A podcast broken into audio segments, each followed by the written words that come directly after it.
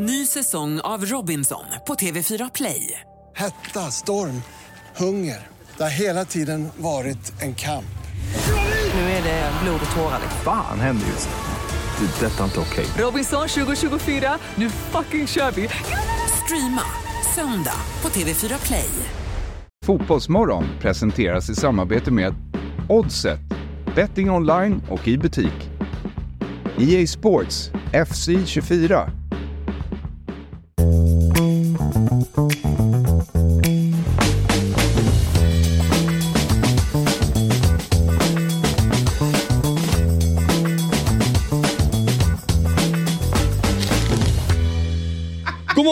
Och hjärtligt välkomna till Fotbollsmorgon. Jag är lite osäker vilken nummer det är men jag tror det är 317. Eh, vi har inte med dig i programmet idag. Är det, är det onödigt att man säger det egentligen alltid? Välkommen till nummer. Det är så man... Eh, jag, har, jag har sagt fel någon gång. Och Ja. då, då blir det väldigt eh, sjukt i huvudet. För då tror man att man hade gått ett steg bakåt. Så det är nyttigt för tideräkningen. Tro- Har vi dubbelkollat att det är 317? Nej, För det var några gånger där i somras när alla var på semester. det Vi, var vikarievecka. ja, vi kan ha rört till det lite. 12. Ja. Det, det, tänk om, tänk om avsnitt, alltså när jag tänker på det nu, om vi är 100 avsnitt ifrån Nej det kommer ju inte alls bli så. Men tänk om typ avsnitt 420 skulle bli på 420 eller något sånt. där. Ja, just det. Jag stod och tänkte på det här utanför och tänkte men det är ju rimligt. Men sen, alltså, för jag, jag vet inte, någonting i min skalle trodde att det var typ februari nu. Ingen aning varför. Att det, det är typ bara 100 dagar dit. Men nu när jag börjar säga det nu så kommer jag ju på att det är ju oktober. Du skulle behöva... Hade det varit, En ledig helg. hade, hade, det, hade det varit sjukare än att eh, Så när du, kungen blev kung samma dag som prins Daniel föddes?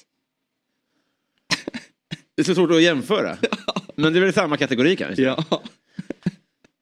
1-1 i sjuk. ja. när Viktor går ut från porten. Fan nu får vi våren ändå komma.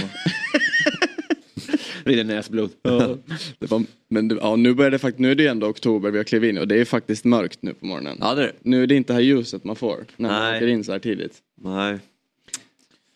Men annars är det bra med dig Fabian. Ja ja men det är bra. Och Robin också, välkommen Ja, till Ivar, Kul att Fotbollsmorgon. du är här. Ja, tack.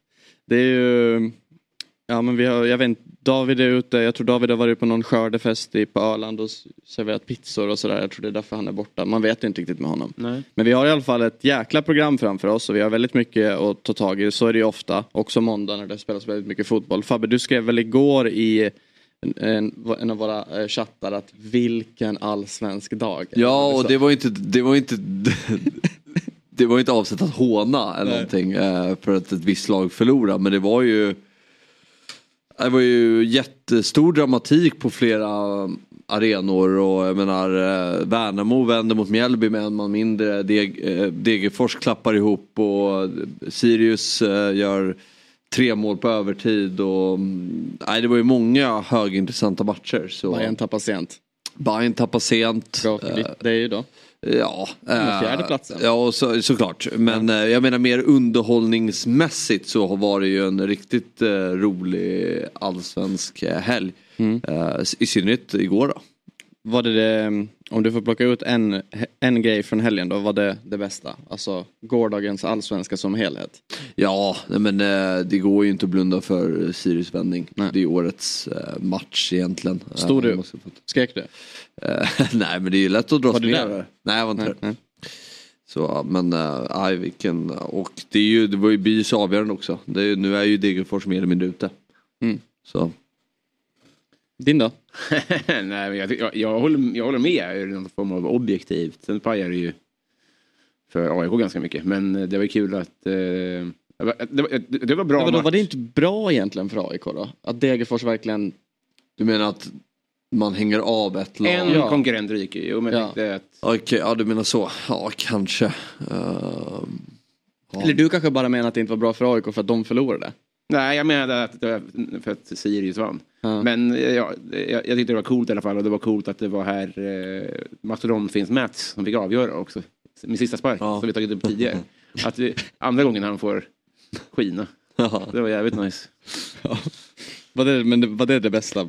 Som svar på min fråga. Var det det bästa med det? Du har ju varit iväg. Ja, jag, det har varit lite av en dimma för mig den här helgen om jag ska vara ärlig. Ja, okej. Men, eh, men eh, ur tv-synpunkt Ja. så har, har det bästa varit att ha sett eh, Liverpool-Tottenham och sen inte har behövt följa det här idiotiska snacket på Twitter.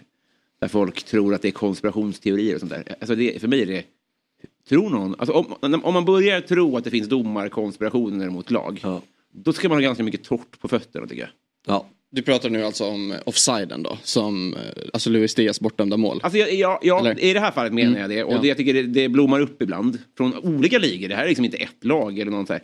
Men det är, alltså jag tror att det är eh, få saker får mig att tänka så här. Ni ni behöver ju sluta titta på den här sporten. För ni har ju och start- helt tappat greppet. Ja, jag tänkte också det lite, liksom lite starta om sitt liv. Ja, kanske en liten, Installera om. ett års paus från det här och Ja. sen se det här med lite nya ögon.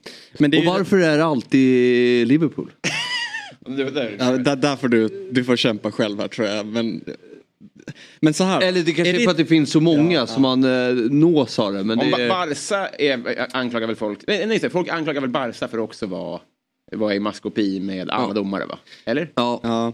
Jo, i alla fall för några år sedan. Jag vet inte nu, det är ju Uefa-låna och allt det Just där. det. Men, Dålig ordvits. ja, verkligen. Uefa-lån. ja, det är exakt samma det. Ja. Men, Just det, det var exakt. Men det är kanske att det är så många så det blir att man nås av dem. Det var ju verkligen i alla fall om, för mig som man har mest svensk Twitter eller X-flöde. Så det var ju, Viaplay-studion fick ju klä ganska mycket skott för vad, eftersom att de, ja men, för hela den här händelsen och det var ju väldigt mycket skit som slängdes från eh, supportrar och så. Och det är väl lite så här att man ska väl aldrig ta ett beslut innan man har man ska väl alltid, alltid vänta 48 timmar innan man tar ett beslut. Så om man ska köpa någonting, man säger ju så. Det. Och det är ju svårt att agera så som fotbollssupporter. Men kanske det är bättre på något sätt att det är Twitter man agerar på. Än att man, eh, jag vet inte, eller man kanske agerar på den som sitter närmast bredvid också. Nej, men jag, jag, jag, jag, jag avkräver ju inte rationella reaktioner från, från folk direkt efter matchen. Det menar jag verkligen Nej. inte. Men det finns också nivåer i idiothelvetet. Ja, vi, kommer i alla fall komma in mer på Premier League och vi ska prata allsvenska med Axén och sådär. Och vi, vi ska ju faktiskt ha med eh, Sirius eh, segerskytt också längre fram i programmet. Ska vi? Ja. Vad kul. Ja, ja, ja. Oj, vilken kul reaktion. Ja. Undrar om han har nåtts av sin lookalike. Det blir kul. Ja, vi kanske kan förbereda lite grafik på det då. Kanske det. Ja. I alla fall, eh, vi säger grattis idag till Maja Ivarsson, fyller 42 år, vet du om det är? Är det The Sounds? Här har det googlats, det är rätt. Och en grej till. Hon har ju också skrivit Hej hej Monica. Okej. Jaha, wow. Det här är inte Google, jag hade ingen aning om. Jag suttit- Ja, men du brukar väl vara inne och ha lite koll på vad som Jo, är med men... köris? Ja, ja, men, Ja. Det har jag tjatat om, men eh, Hej hej Monica innehåller en av de finaste raderna tycker jag. Eh, ni, ni minns Hej hej Monica? Ja, ja, ja. Den- Jag försöker den- komma på vad det är som du tänker Ja, på. men den här, mest hatade låten i Sverige någonsin typ. Förutom Köp din tröja. Jag är din i alla lägen eller? Nej men det går så här då. Känns om vår kärlek hamnar snett från början. Mm. Precis som lutande tornet i Pisa. Jag tror det står där än idag. Och Här står du och här står jag. Ja. Det är ju bra Ja, det är bra. Ja, snyggt Maja Ivarsson. och grattis. Och eh, Ferry Svan fyller också år. Världens bästa timmerman. Världens bästa sport. Timmer... Det är en helt otrolig sport. Har du kollat på det någon gång? Nej, det var någon jag fick upp det så var det just Ferry Svan. Ja. Slaktade ju. Ja, fullständigt. 27 år. Ja. Är det ett namn som är skapat i Vinterstudion? Ferry Svan. Vad pågår? Ja, Om Men det, ja, det är faktiskt en helt otrolig sport. Undrar vilken ålder, liksom, eh, man säger att fotbollsspelare ska ju pika mellan viss ålder. Undrar vilken ålder. timmermän. Ja, det kanske är 27. Det var 80 också. Ja. Men när är man som liksom, för där handlar det nästan, ah, det är klart det är, det är en del mjölksyra och sådär. Kan du dra Ja. grunderna? Som jag tolkar ju att man ska verkligen, man har en yxa. Om man ska bara slå sönder en stor. Mm. Ska igenom en stam liksom. Ja. Mm. Eh, Är det på så kort tid möjligt. som ja. Och så är det väl en mot en. Alltså jag har sett det en gång, det kanske var för två år sedan så jag, inte, jag har ju inte koll på alla regler men Men världens bästa sport. Det låter som en bra tv-sport i alla fall. Ja. det, ja det är ju puls. Ja, och lite fotbollsfödelsedagar också. Alison Becker fyller 31 och Roberto Firmino fyller 32. Grattis, grattis. Fyra födelsedagar. Mm. Samma, de har ju samma land och nation. Lag och nation förut. Så är det faktiskt. Då kanske de firar det ihop. Mm. Genom någon form av konst i hans pool. Kommer du ihåg det? Allisons pool ja. Var det Vad var det? Det var något väldigt religiöst eh, dopceremoni. Just det, just det. Var det Firmino som döptes i Allisons pool? Eller var det Alisson som döptes i Firminos pool? Eller var det Alisson som döptes i sin egen pool? Tänk på att det är sju på morgonen. Ja, precis. Här, här, här kastar jag in samma, eh, precis som hans Timmerman-regler här så minns jag inte riktigt. Men jag såg det bara en gång. Okej, vi har en temadag också vi måste uh, bocka av. Vi har faktiskt snart vår första gäst på tråden. Men idag är det faktiskt skolfotografiets dag. Ja, Och det är ju ändå, det är verkligen en speciell dag när man var yngre. Kanske inte när man gick i gymnasiet och sådär men Finns det verkligen fortfarande? dagen eller skolfotografiet. Båda? Jag tror det. Ja. Det tror jag ändå. skolkatalogerna. var Jag minns verkligen när man kom in i, det var ofta där jag gick i gympasalen och så var det alltså man, klassbilden och sen gick man in där och så fick man sitta på en stol och man skulle sitta snett och titta sådär. Och... Hade du någon gång utomhus? Nej. Nej, okej. Jag tror Ja, inte. det, det var ganska ofta att vi hade det. För det var ju, togs ju på hösten så det Ja. var ganska ofta det var utomhus. Vi har ju skickat in några skolfotografier också. Här är jag. Det är gulligast. Ja. Ja. Vad är- Beckham. Ja det är Beckham. Det är Beckham. Ser ni också hur, har ni sett den med fake tröja Jag tänkte fråga det om det är lagligt då. Så... Olagligt. Jag trodde typ den var köpt på Ålandsfärjan. Ja. Den som gick mellan Alltså, det, är, ja, Taxfree. Så jag vet fan. det är nästan mer likt typ Lutons märke man tittar Precis. snabbt. Det är det. United har faktiskt inget, inget case här att stämma Ålandsbåten. För det finns inga likheter. Det är en annan klubb som stämmer istället. Det är vår. Stämmer frisyren istället. Ja, ska vi, ni har väl också skickat in någon bild eller? Pabbe, ska vi... Där är jag ju. Snacka om Oj, oj, oj. Men ni skickade gulliga bilder, då vill jag också skicka en gullig bild. Jag skickar en jättesorglig bara. Okej. Ja, den var faktiskt väldigt söt. Nej, det... där är inte apropå att stämma. Du ska ju...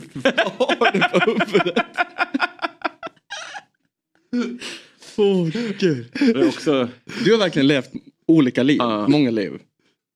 Det här är otroligt. Och den där urringen och... Men gick alla runt sådär? Men Nej, inte alla. Det kan jag, inte, jag kan inte anklaga, alla andra för att gått runt så här. Det får jag ta på mig själv tror jag. Fan, det är inte så att man kommer, du vet när man börjar en ny skola, kommer det nya och ser nya människor. Han ska jag fan bli kompis med. Flytta på er. Det här är min kille. Ja, där är. Han ser soft ut.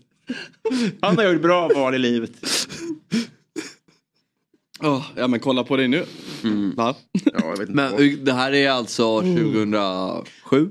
Eh, 26, 24, 23, nej, nej, ja. nej, men vad fan kan det ha varit? Det här var Ettan på gymnasiet tror jag. Ja. Riktig partylejon nu. Var det då det, det Ja. trendade? Ja, Körde det- du, du hade gummisnoddar runt benen och... Ja. Här i sluttampen. Fan vad man vet att dina klasskamrater som du tar kontakt med idag pratar med varandra. Har ni sett Robin idag? En helt ny människa. också, dina van- rolig är han också. rolig är han också. Han har tofsen i hår istället för på ben. Jo det här är Robin, jag lovar. Hade ju mycket, jag vaknade en natt. Eh, Är det dagsvax? Så. Eh, ja, det, och sen den lila proffssprayen, den var ju helt, det var ju liksom titan. Alltså, om man gick in i, alltså om, om du slog till mitt hår, då knakar det liksom. Ja. Det var ju liksom inget, inget naturligt kvar överhuvudtaget. Det är helt otroligt. Om man slår för hårt flög det av då till slut? Ja, och framförallt så var, för man fick vara vä- väldigt försiktig när man gick ut när, när det var för kallt ute också. För kunde få frostskador i hårbotten. Men du är ju väldigt lik ändå. Mm.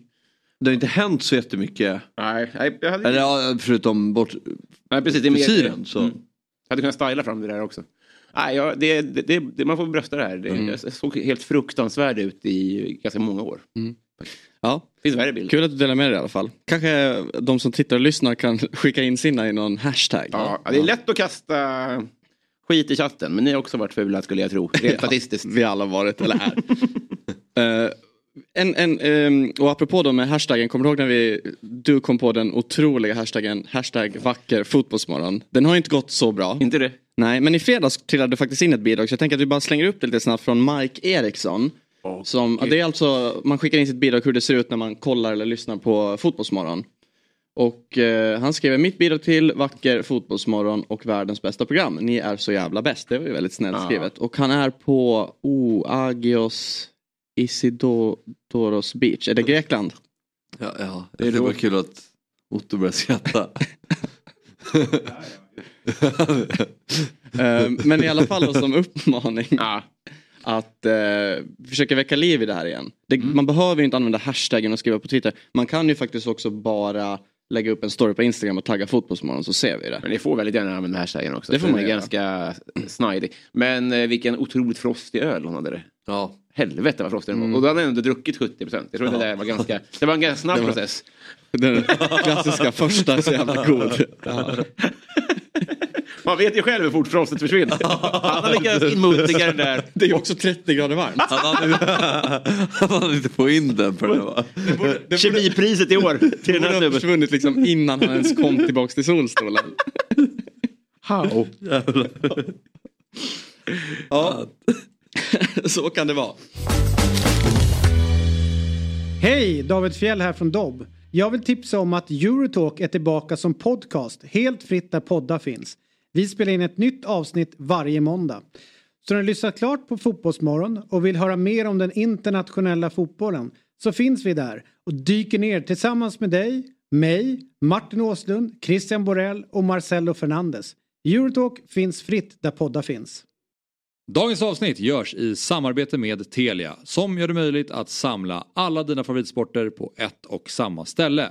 Följ bland annat Premier League, Champions League, seriespelet i SHL och slutspurten i Allsvenskan. I Telia Play-appen sänds alla matcher live men går också att se i efterhand. För 649 kronor i månaden får du dessutom tillgång till film och serieutbudet inte bara hos Telia men också hos Viaplay, TV4 Play och HBO Max utan extra kostnad. Så, att samla sporten smartare och dessutom få en massa extra på köpet, det är Telia. Nu ska vi eh, ta oss vidare i programmet och det är ju så att eh, förra veckan så touchade vi lite, jag tror det var i onsdags som Niklas Niemi eh, pratade lite kring hela den här Victor Osimhen situationen i Napoli. Just det. Napolis stjärnanfallare Victor Osimhen då. Och eh, för att bara recapa lite kort så var det ju helt enkelt så att klubben ehm, ja men det är inte sagt egentligen hade hånat honom på sina sociala medier och framförallt TikTok då. Och vi kan väl, det publicerades ju två klipp på TikTok som sen försvann och vi kan ju bara kolla eh, snabbt hur det såg ut, eh, hur det ena klippet såg ut helt enkelt.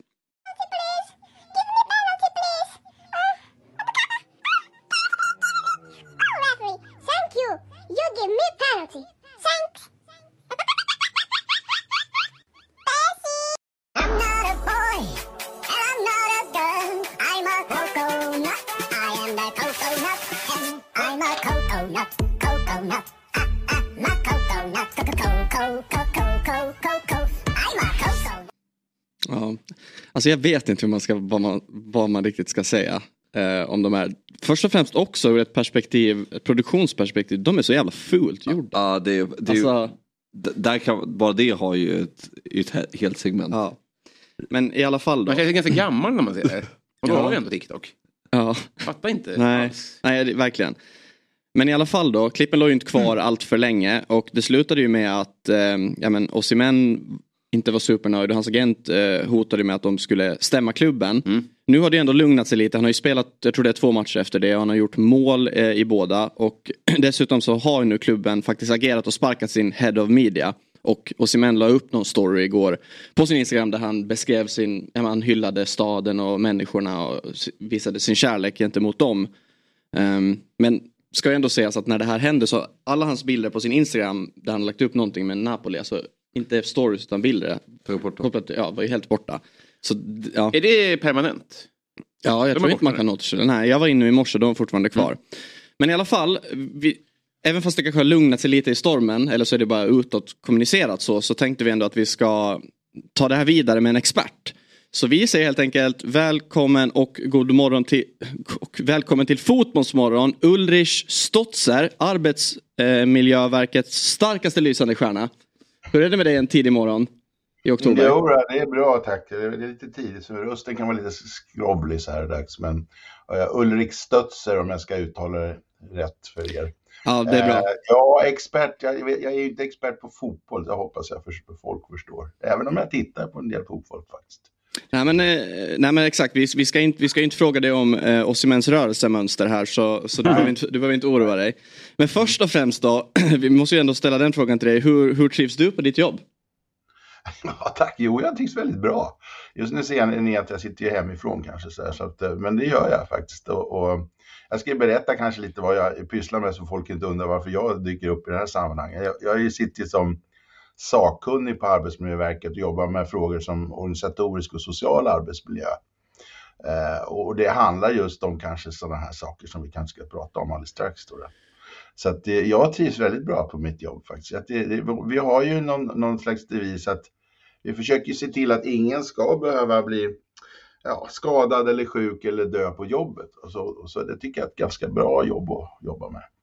Mm. Trevligt. Men eh, låt oss börja med att reda ut då eh, den här första grejen. Om är Osimhen en arbetstagare eller inte? Och vad, vad gör det för skillnad? Ja, nu, nu är det ju så att, att eh, svenska lagar gäller ju inte i Italien så att egentligen så, så är, det går inte att säga någonting om det. Men om vi skulle föra över kanske till svenska förhållanden så blir det lite intressantare för oss. Och, och då är det så här att ja, vi, vi lät faktiskt våra jurister titta på det.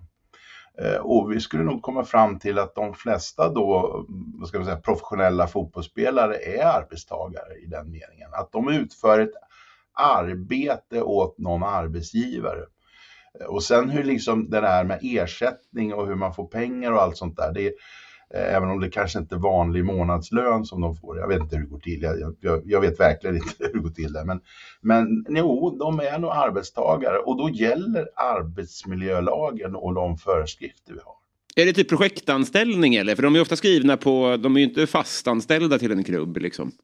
Ja, det skulle man väl kunna kanske säga och det är, inte, det är oviktigt egentligen. Alltså, så Mm. fort man utför arbete åt en arbetsgivare så har den ett arbetsmiljöansvar, även om det skulle kanske vara korttidsanställning eller vad det nu är, livstid eller vad det nu kan vara. Så att, så att det, det handlar om att de gör ett jobb egentligen. Och det kanske är ganska bra för att det är väl ganska lätt att tänka sig att fotboll är väl bara en förlängd hobby där man fortsätter liksom tonårsleken sådär.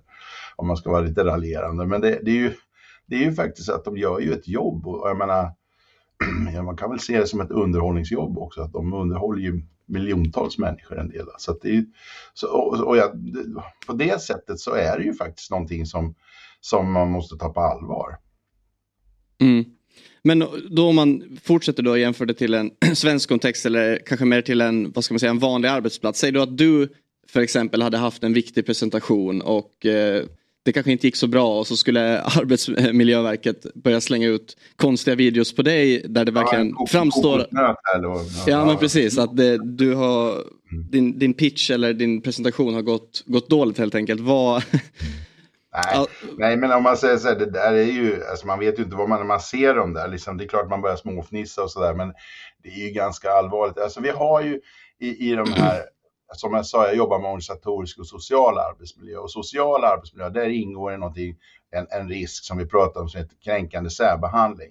Och det handlar om att man då antingen kan då bli utsatt för, man blir kränkt helt enkelt på ett sätt som gör att man kan, det kan leda till ohälsa, eller att man hamnar utanför arbetsplatsens gemenskap. Och det kanske man kan prata mer om här då. Det, det, man kanske är tuff nog att ta en sån där, sånt där skämt eller någonting. Men, men alltså det kan ju leda till att man hamnar utanför och i förlängningen där också ohälsa egentligen. Och då är det så att arbetsgivaren ska se till att dels klargöra att sånt här inte är accepterat. Och gärna kanske diskutera vad som är vad som inte är accepterat. Vad, vad är det för något vi inte vill se? Hur, vad är det för något som vi inte vill se att ni beter er mot varandra? Och, och sen också en andra del i det här är att de ska titta på den sociala arbetsmiljön och, och försöka förebygga risker för att sånt här ska uppstå. Då. Och, och jag tänker att inom fotbollen, nu är det mina fantasier för jag är verkligen ingen expert inom den här verksamheten, men, men att i fotboll kan det ju vara de här konkurrenssituationerna. Jag tänker på silly season när de ska liksom konkurrera och det händer mycket saker. Då kan det ju lätt uppstå rykten och sånt där som och sånt kan ju en arbetsgivare då kanske jobba förebyggande med. Så att nej, men det här ska inte hända.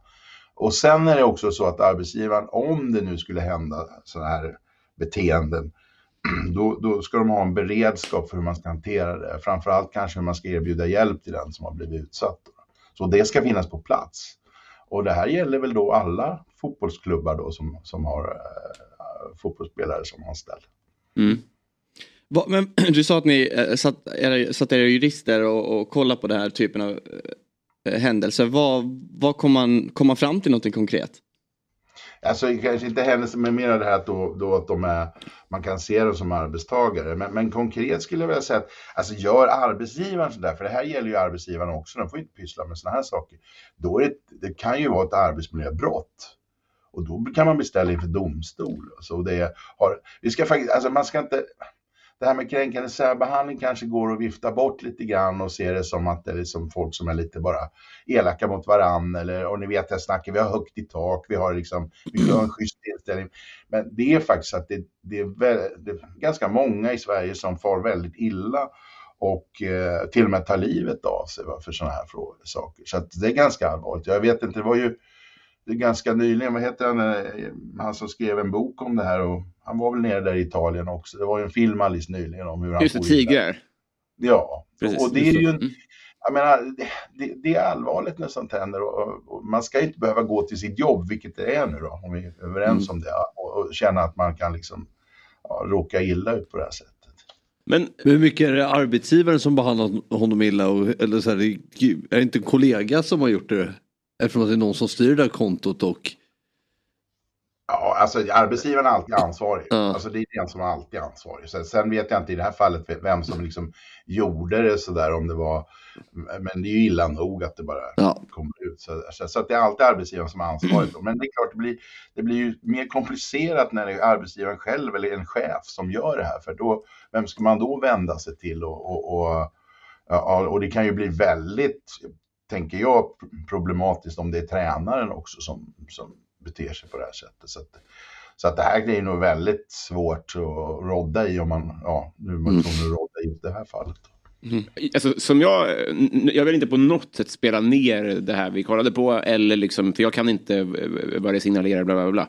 Men min känsla är att det ganska mycket uppstår sådana här situationer. Det är på mottagarens villkor ganska mycket. Om man väljer att bli arg, eller om man väljer, alltså inte väljer, men om man blir arg. Annars hade vi nog inte reagerat på det så här. Då hade vi nog bara sett de, vilken härlig jargong och vilken härlig tonträff de verkar ha som han kan ta det här. Det, det känns som att lösningen är att fråga först. Så slipper man sån här skit. Om man ska göra någon sån här offentlig grej och det har att göra med deras PR-arbete och så här, då kan det väl vara en jävla bra idé att fråga först. Men, Mm. men jag tänker att man ska komma ihåg att det här är inte liksom den enskildes ansvar då. Det blir det fotbollsspelarens ansvar att värdera om det är rätt eller fel. Det är ju arbetsgivaren som ska jobba och sätta nivåerna när det gäller det här. Och sen, sen är det väl klart att det finns kanske skillnader på hur man ser på de här sakerna. Men man ska inte sitta och, liksom och gissa att ja, men kan vi säga så här och göra så här. Alltså, som jag säger, det kan få allvarliga konsekvenser. Och någonstans kan jag tycka ändå att det är ju, det är ju ett professionellt jobb. Så att man kan ju inte, som jag sa, förlänga kanske pojk... Eh, eh, omklädningsrummet till det här och säga att liksom, ja, men vi har en schysst, ja, i fotboll är vi liksom, vi är lite så här. Och, och det, för det är, det är ändå en arbetsplats och det får man väl hålla på en viss professionell nivå. Eh, Så, så jag, vet, jag vet ju inte hur det låter i, i omklädningsrum och så vidare, hur man snackar. Men, och det är klart, man, alltså, det ligger ju i spelets natur att man, det hettar till och man blir arg, man säger saker och så här. Men det beror ju på hur man hanterar det och hur man tar hand om det och vad man gör åt och så vidare.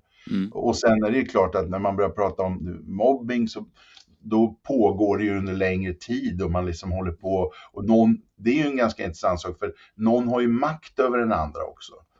Ganska mycket och då blir det ju ännu värre på något sätt. Då kan man ju inte komma ur det om man blir utsatt.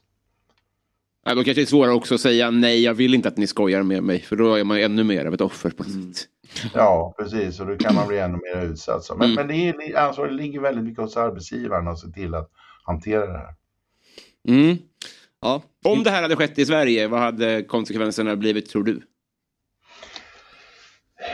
Ja, alltså, det är väldigt svårt att säga. Men, men alltså, jag vet inte heller hur det ser ut för eh, de här fotbollsspelarna. Jag säger arbetstagarna, men de här fotbollsspelarna. Alltså hur, det finns ju något spelarfack, det vet ni ju bättre än jag, eller och så vidare. Så, att, så att det är något sånt där som man kanske måste driva då med hjälp av facket. Jag vet inte hur det finns, eh, det är ganska intressant att undersöka kanske, finns det skyddsombud? Alltså i, i de här stora klubbarna där man har då, om man nu tittar på det så är det ju, det är ju inte bara fotbollsspelare, det är ju alla anställda. Liksom, allt från städpersonal till, till vad det nu kan vara. Och då är det frågan, finns det något skyddsombud? Ehm, och för det är ju något man kan vända sig till om man är utsatt. Då. Och då kan de faktiskt vända sig till oss. Så att vi skulle kunna eh, göra en inspektion på en fotbollsklubb och kolla att de följer de här, våra föreskrifter. Och det är ju inte bara det här som jag pratar om, social arbetsmiljö. Det kan ju vara ergonomi, det kan ju handla om arbetsplatsens utformning, alltså så här, omklädningsrum och alla möjliga saker som ska vara... Alltså det är ju, jag tror det är allas intresse egentligen att, att man, man skapar en hållbar arbetsmiljö, för de ska ju hålla ett tag och jag menar, det känner väl alla på att man liksom inte blir utsatt på något sätt eller blir skadad eller någonting. Så, att, så att det ju, handlar ju om det här att se till att de ja, kan verka inom det här jobbet så länge de kan. Mm. Mm. Ja, intressant och vi uppskattar verkligen att ni tog er tiden och, och kolla närmare på det här. Vi kanske får eh, lov att återkomma till dig Ulrik om det mm. uppstår en liknande situation i en svensk klubb kanske. Ja, ja visst absolut.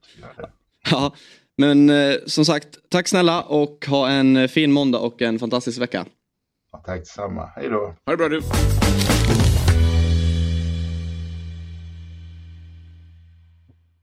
Ny säsong av Robinson på TV4 Play. Hetta, storm, hunger. Det har hela tiden varit en kamp. Nu är det blod och tårar. Fan händer just nu. Det. är Detta är inte okej. Robinson 2024, nu fucking kör vi! Streama söndag på TV4 Play. Ett poddtips från Podplay. I fallen jag aldrig glömmer djupdyker Hasse Aro i arbetet bakom några av Sveriges mest uppseendeväckande brottsutredningar. Går vi in med hemlig telefonavlyssning och, och då upplever vi att vi får en total förändring av hans beteende. Vad är det som händer nu? Vem är det som läcker? Och så säger han att jag är kriminell, jag har varit kriminell i hela mitt liv men att mörda ett barn, där går min gräns. Nya säsongen av Fallen jag aldrig glömmer på Podplay. Ja, vi kanske kan fråga vår nästa gäst när han dyker upp om eh, hur han hade reagerat om det dök upp en, en eh, video på honom på TikTok ja. där Discovery hade lagt upp accenten. Han säger att han är coconut. Ja, han hade inte nått honom. Han hade inte sånt. Men, eh, TikTok, det är det. Här kommer ett tips. Jag kan känna att jag sagt det. Gör så. Aha, ja. okay. för, för de som lyssnar så kan vi väl berätta då att Fabbe, eller du brukar ju ha problem med dina lurar. Ja. Som vi gör samt och de trillar bara ur. Så du visade nu hur en Fabbe ska lås, göra. En liten låsanordning, man hänger dem över örat. Ja. ja. Då får du höra vad gästerna säger också. Apropå det, eh, jag, jag, hade en tanke bara. Jag, jag, tänker inte, jag tänker inte att vi ska prata mer om alltså, Ryder Cup som spelades i helgen. Vi pratade ju ganska mycket om det i fredags och du var inte så intresserad av golfen. Och så, no, har det nåtts av någonting apropå det Robin? Vem, vem som vann? Du har ju 50% chans att gissa rätt. Övriga världen. ja, Europa vann. Men jag, jag, jag satt bara och tänkte på det, eh, apropå det igår kväll. Att också kommer jag att tänka på det nu när du sa det här med den här timmersporten. Mm. Att vil, vilka sporter, eller har ni någon sport som ni hellre, som ni tycker det är roligare att kolla på än utöva? Nästan alla va? ja, men, det så? Ja, men tycker du det är roligare att titta på fotboll än att spela? Aha. Nej det gör jag Nej. inte såklart. Uh, men uh, ja, det är väl uh, handboll då. Ja, handboll och curling. Curling? Ja. Mm. Den är bra. Ja. Ja, men jag tycker till exempel det är roligare att titta på fotboll än att spela. Ja. Nej, det gör inte jag. Nej, men till exempel då apropå golfen. Jag kollar ju på det men jag är inte lika som Jesper och, och Axel lika manisk i att titta på golfen på det sättet. Jag tycker ju ändå det, jag tycker fortfarande det är roligare att spela golf än att titta på Ryder Cup golf. Var me- mest Ja men det där är intressant faktiskt. Väldigt intressant. Dart. Dart tycker jag absolut är roligare att kasta. Ja. Men det är ju jäkligt roligt att kolla på. Jo, men det kanske, jag har aldrig riktigt satt mig in i det heller. Nej, det har men, inte men det är ju, det, Men då, när- då ska jag väl då- mer säga att det, då är, det hade jag väl kollat, velat kolla på live som att det är ju en, det är en publiksport. Vi kan väl eh, koppla in eh, Alexander Axén på ämnet och fråga eh, Finns det någon spo- eh, dart då? Föredrar du att kolla eller utöva? Jag föredrar att kolla uh, utöver att uh, utföra det. För att uh, jag har inte tålamod och jag tycker när man missar att man är, det är inget roligt. Liksom. Och titta, det, det har blivit någon jävla gift för mig. Uh, jag prioriterar ju dart före fotboll just nu. Oj. När missade du tavlan senast? Ja, men det gör man aldrig. Jo. kan jag berätta att man gör. Var tredje gång ungefär. det, man missar ju inte hela tavlan. Man kan ju vara uppe vid siffrorna och snurra om man siktar på en dubbel, men man missar ju inte tavlan, det gör man inte. Ja, det är faktiskt skillnad att få noll poäng eller eh, sätta tavlan. Köket. Ja. Hade man litat på Axén och sätta handplatan på tavlan och litat på att han inte skulle träffa handen. Men vad då menar du Det beror, på, Ja. det beror på vem som sätter dit handen kan jag säga Fabbe. Det är en timmergubbe, då är det kört. Täcker hela tavlan. Sen får du säga själv. Men har du någon sport du föredrar att utöva utöver att kolla på det? Hur är det med fotbollen? Om du går tillbaka till dina ganska- unga år då? Jag var ganska slö när jag spelade fotboll så jag blev till slut högerback och så kände jag att en meter till höger så kan jag stå och skrika på folk istället för att stå och skrika och springa. Så att, eh, nej, men jag, jag, tyckte, jag tycker att det var roligare att titta än att spela faktiskt. Mm.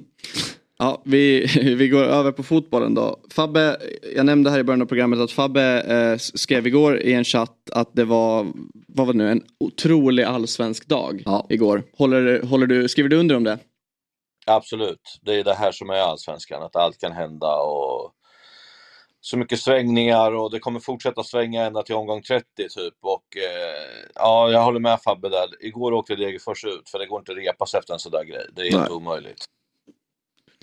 Det är ju, ja. Vinner BP då, då är AIK tillbaka på kvalplats. Och man trodde ju någonstans att den där derbysegern skulle innebära att AIK var klara. Mm. Man ska säkert allsvensk kontrakt. Men ja, Om vi, vi kan väl börja med eh, matchen på Hisingen då där Häcken spöade AIK med 2-0 Fabbe. Mm. Vad, vad, tänker du om, vad tänker du om matchen? Det, var det ett Häcken som återigen var tillbaka och var sådär bra? Anton Saletto sa väl efter matchen att han tycker att det är det bästa laget i Allsvenskan.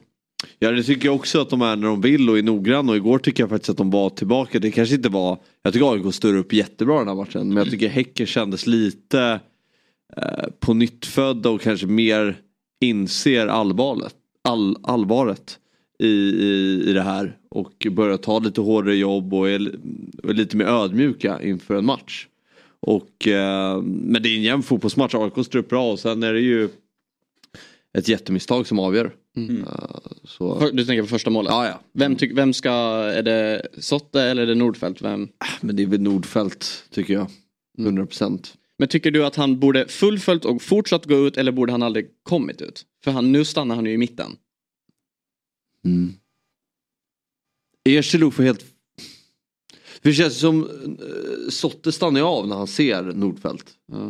Eller? Ja... Nej, vi kan väl... Eh, vi kollar på- vad säger du Axel? Om situationen? Nej men så var det ju att eh, det kommer en lång boll, han vänder sig om och ser att eh, Nordfeldt är på väg ut. Eh, och då blir han lite bekväm och inte spelar helt hundra klart. Han gör det till 99 procent. Det är fortfarande Nordfeldts fel, absolut, och han kunde ha gjort det lite bättre. Eh, men eh, nej, det där är ju såklart supertungt när man ändå har gjort det ganska bra fram dit, att släppa in sånt där. Ja. Det var ju bättre om Häcken hade fått gjort ett häckelmål med fyra överhopp och en in- inspel och sen står någon och rullar in den i öppet mål. För det där tar ju mentalt otroligt hårt såklart ju på AIK-spelarna i det här läget. Så att, eh, eh, man har inte råd med det, men det är därför man ligger i botten, för att man gör sådana här misstag. S- Kan, kan man prata om att det kan vara lite av en derbybaksmälla? Att man ändå kommer från en seger mot Djurgården och... Någon sa till mig att de har alltid haft svårt matchen efter derbyn, för de vinner ju Mhm. oftast derbyna och sen att det har blivit en svår match. Jag kommer bara ihåg när jag tränade guys att vi hade väldigt svårt efter ett derby oavsett vilka vi mötte och på vilket sätt. För det blir liksom en veckas uppladdning på matchen och sen så beroende på resultat så blir det liksom ytterligare några släpar tre, fyra dagar. Och sen ska man trycka på knappen på den här nya matchen. Man är inte alls lika förberedd på den, hur mycket man än vill, hur mycket man än vill liksom, liksom vara proffsig och jobba så, så är det svårt. Och det tar jäkligt mycket en derbymatch på alla sätt. Så att det, det är väl någon som får titta upp där helt enkelt. Men jag, jag har en uppfattning också om att, att AIK har svårt efter sina derbyvinster. Min känsla var att, ja, att man ska ju möta alla, men att det var det, tungt med schemat att få en sån tuff motståndare efteråt. Det är svårare att surfa på en sån seger. Att möta ett topplag direkt. Att det är mycket bättre att de ska vinna den här, även om de surfar på derbysegern. Liksom. Jo, så är det ju. Sen kan det samtidigt vara, säga att de hade ett lag i botten som de kanske man förväntar sig att de också kunna vinna mot. Att man är då lite sliten och inte med huvudet så kan det vara sämre att förlora mot dem. För jag tror att spelarna ändå, hur vi än vänder och vrider på det, så tror jag att de vet att eh, Häcken har förlorat en match på hela säsongen hemma. Alla vet att det är jättesvårt att komma dit. Och då kanske det är liksom lite halvskönt ändå att fick inte till det perfekt, men det var ändå mot rätt lag om Ja. man säger så. Eh, Mm. Spelarna var ju lite hängiga efteråt, jag pratade lite med dem, men, men samtidigt sa de att det är inte de här matcherna vi ska vinna. Typ så. Så att, jag fattar hur de tänkte eh, och så, men jag hävdar också i Allsvenskan, det är ingen match nu som är klar. För när man går in i hösten, det blir, det blir så konstiga saker som händer. Liksom. Och vi kommer väl till det sen, men Ja. hur man kan tappa när man är hemma mer och leder och sådana saker. Men, men, det, men det här är höst på något sätt. Alltså. Det, är, det, det finns ingen logik i någonting. Och jag kommer ihåg när man själv satt som tränare och räknade lite på det där, att skönt, nu är vi klara. Så har det någon gång när man helt plötsligt var tokindragna i det där. Liksom. Och, nej, det är jävligt topp, jobbigt. Och sen när man sätter sig i situationer där man inte själv kan påverka. Ja, det kan man göra genom att vinna, men du kan inte liksom påverka att något annat lag förlorar helt plötsligt så att det blir strul. Det är den värsta situationen man kan komma i faktiskt, att, eh, att man inte har egna händer. Mm. Skulle du säga, eller du nämnde ju att eh, att Degerfors förlust, att det, det blir stöten för dem, att de kommer inte eh, klara sig kvar. Men om man kollar upp i toppen då, Häcken nu på 50 poäng, en poäng efter Elfsborg, två poäng efter Malmö. Malmö ska ju spela ikväll. Finns det, är man fortfarande aktuell? För Ja, guldet? Elfsborg ska ju också spela. Mm, just det. Eh, De måste vinna alla tror jag. Det är inte säkert att det går ändå, men jag tror att de kan inte ha ens ett kryss. Då kommer det inte gå, utan de måste vinna alla matcher som är kvar. Är det en godkänd säsong ändå med topp tre och eh, eh, Europa League? Det är det ju såklart, men eh, jag tror när man tittar på truppen och eh, kvaliteten så tror jag att de tänker, vad fan har vi gjort? För att de har ju bjudits in massa gånger men inte tagit det liksom. Och jag tror lite som dig Fabbe, att de har inte riktigt varit ödmjuka i det, utan de har gjort på 90-95 procent och det går inte i Allsvenskan. Så är det bara. Eh, Så jag tror att de har många matcher där de ångrar sig lite och även att Högmo kanske ångrar sig lite att varför eh, eh, roterar jag inte kanske lite mer? Mm. Sen är det- var det viktigt att Chilufya fick göra sina första mål. Alltså, Som ska ersätta Sadik Traoré. Jag menar, det var ju stor, har varit en stor spelomsättning på de där offensiva positionerna. Så. Eh, viktigt att de får lite utdelning där på de nyförvärven som de har plockat in. Mm. Djurgården då Fabbe? Mm. Nej men eh, eh, de, har ju, de körde ju diket efter den där eh, derbyförlusten och det är ju svårt att rädda upp det efter det och jag tycker ju att jag tycker det är eh, väldigt märkligt att man startar med i princip samma startelva. Eh, vad sänder det för signaler? Att starta med eh, 10 av 11 spelare som spelade derbyt. Var det bara Harris som inte... Ja, och så ge en ny chans efter det som eh, presterades på, på Friends. Eh, jag, jag hade svårt att liksom, känna en motivation till den här matchen. Eh, just med tanke på att man spelar med i princip samma startelva. Men eh, det är kul att eh, Bergvall får hoppa in och rädda upp det. Eh, för det var ju ingen rolig tillställning. Det var ju ett Halmstad som kan göra tre mål i den här matchen. De har ju bjuds ju på en del frilägen och Djurgården var inte, ah, kom inte upp, upp i nivå. Sk- Vad skulle du säga då Axén från ett tränarperspektiv att kan man motivera att han eh, eller att Kim Ottale slängde ut 10 av 11 spelare från derbyt? Man kan ju säga att man ger dem en chans till revansch, typ, om man vill vara snäll. Typ så. Men när man har tränat lag som Djurgården så är det ju så många som är så bra, så att där kan man göra byten. När jag tränade Örebro och Gais, då hade jag inte så mycket att välja på, utan då blev det också att man sa oftast den här revanschgrejen, man bygger lite på det, att visa att ni inte är så dåliga. Typ. Så att man kan Mm. alltid se på det på olika sätt. Och vad som är rätt och fel, det vet jag inte. För på min tid då var det liksom så viktigt vilka som startar, men jag tycker att efter något VM här så blir vi mycket vilka som avslutar. Liksom att man får in eh, en känsla av att är du med sista halvtimmen så, så kommer du kunna vara med och verkligen påverka ett matchbild, för det är då det öppnar upp sig. Så att, ja, det är ju lite hur man ser på det, men eh, eh, jag, jag vet inte om man hade struntat i AIK-matchen och satt ut det här laget så tror jag inte Fabbe hade varit så negativ. Repetera det gärna. Om du hade sett det här laget, om jag hade bara visat den här startuppställningen i en match mot Halmstad och skitit att de mötte AIK innan, så tror jag inte att du hade varit så negativ. Nej, såklart inte. Men så kan man inte säga. Men om de hade torskat med 2 0-2 mot Halmstad, hade inte du också tänkt att det var lika vansinnigt att skicka ut 10 av 11 då? Ja, men jag är inte sån här som berättar efteråt hur man ska Nej. göra, för det, då vet ju alla det. Utan jag tänker att man utgår från någonting och eh, det, om man ska säga efter derby, för att Djurgården förlorar ju alltid derby mot AIK. Det spelar ju nästan ingen roll hur dåliga AIK Nej, så är det ju. Och det, det hade man ju räknat med på förhand. Men att det får se ut så. Nej men det håller jag med om, Ja. men samtidigt har ju du en loser-mentalitet. Om du åker till Friends och tänker att vi kommer ändå få stryk, då är det ju inte konstigt att spelarna tycker så också. Nej. Nej, det är väl mer en uppgivenhet kanske efter alla år. Ja men det är hela föreningen som får ta tag i det där. Och jag säger att man kan aldrig vända någon sån här grej om man inte vågar säga att man har ett problem. Nej. För om man hela tiden pratar om det finns inga spöken och det är inget speciellt och, det är så, här, och så ser det likadant ut match efter match. Hur ska du då kunna liksom reda ut det? Det är bättre att säga.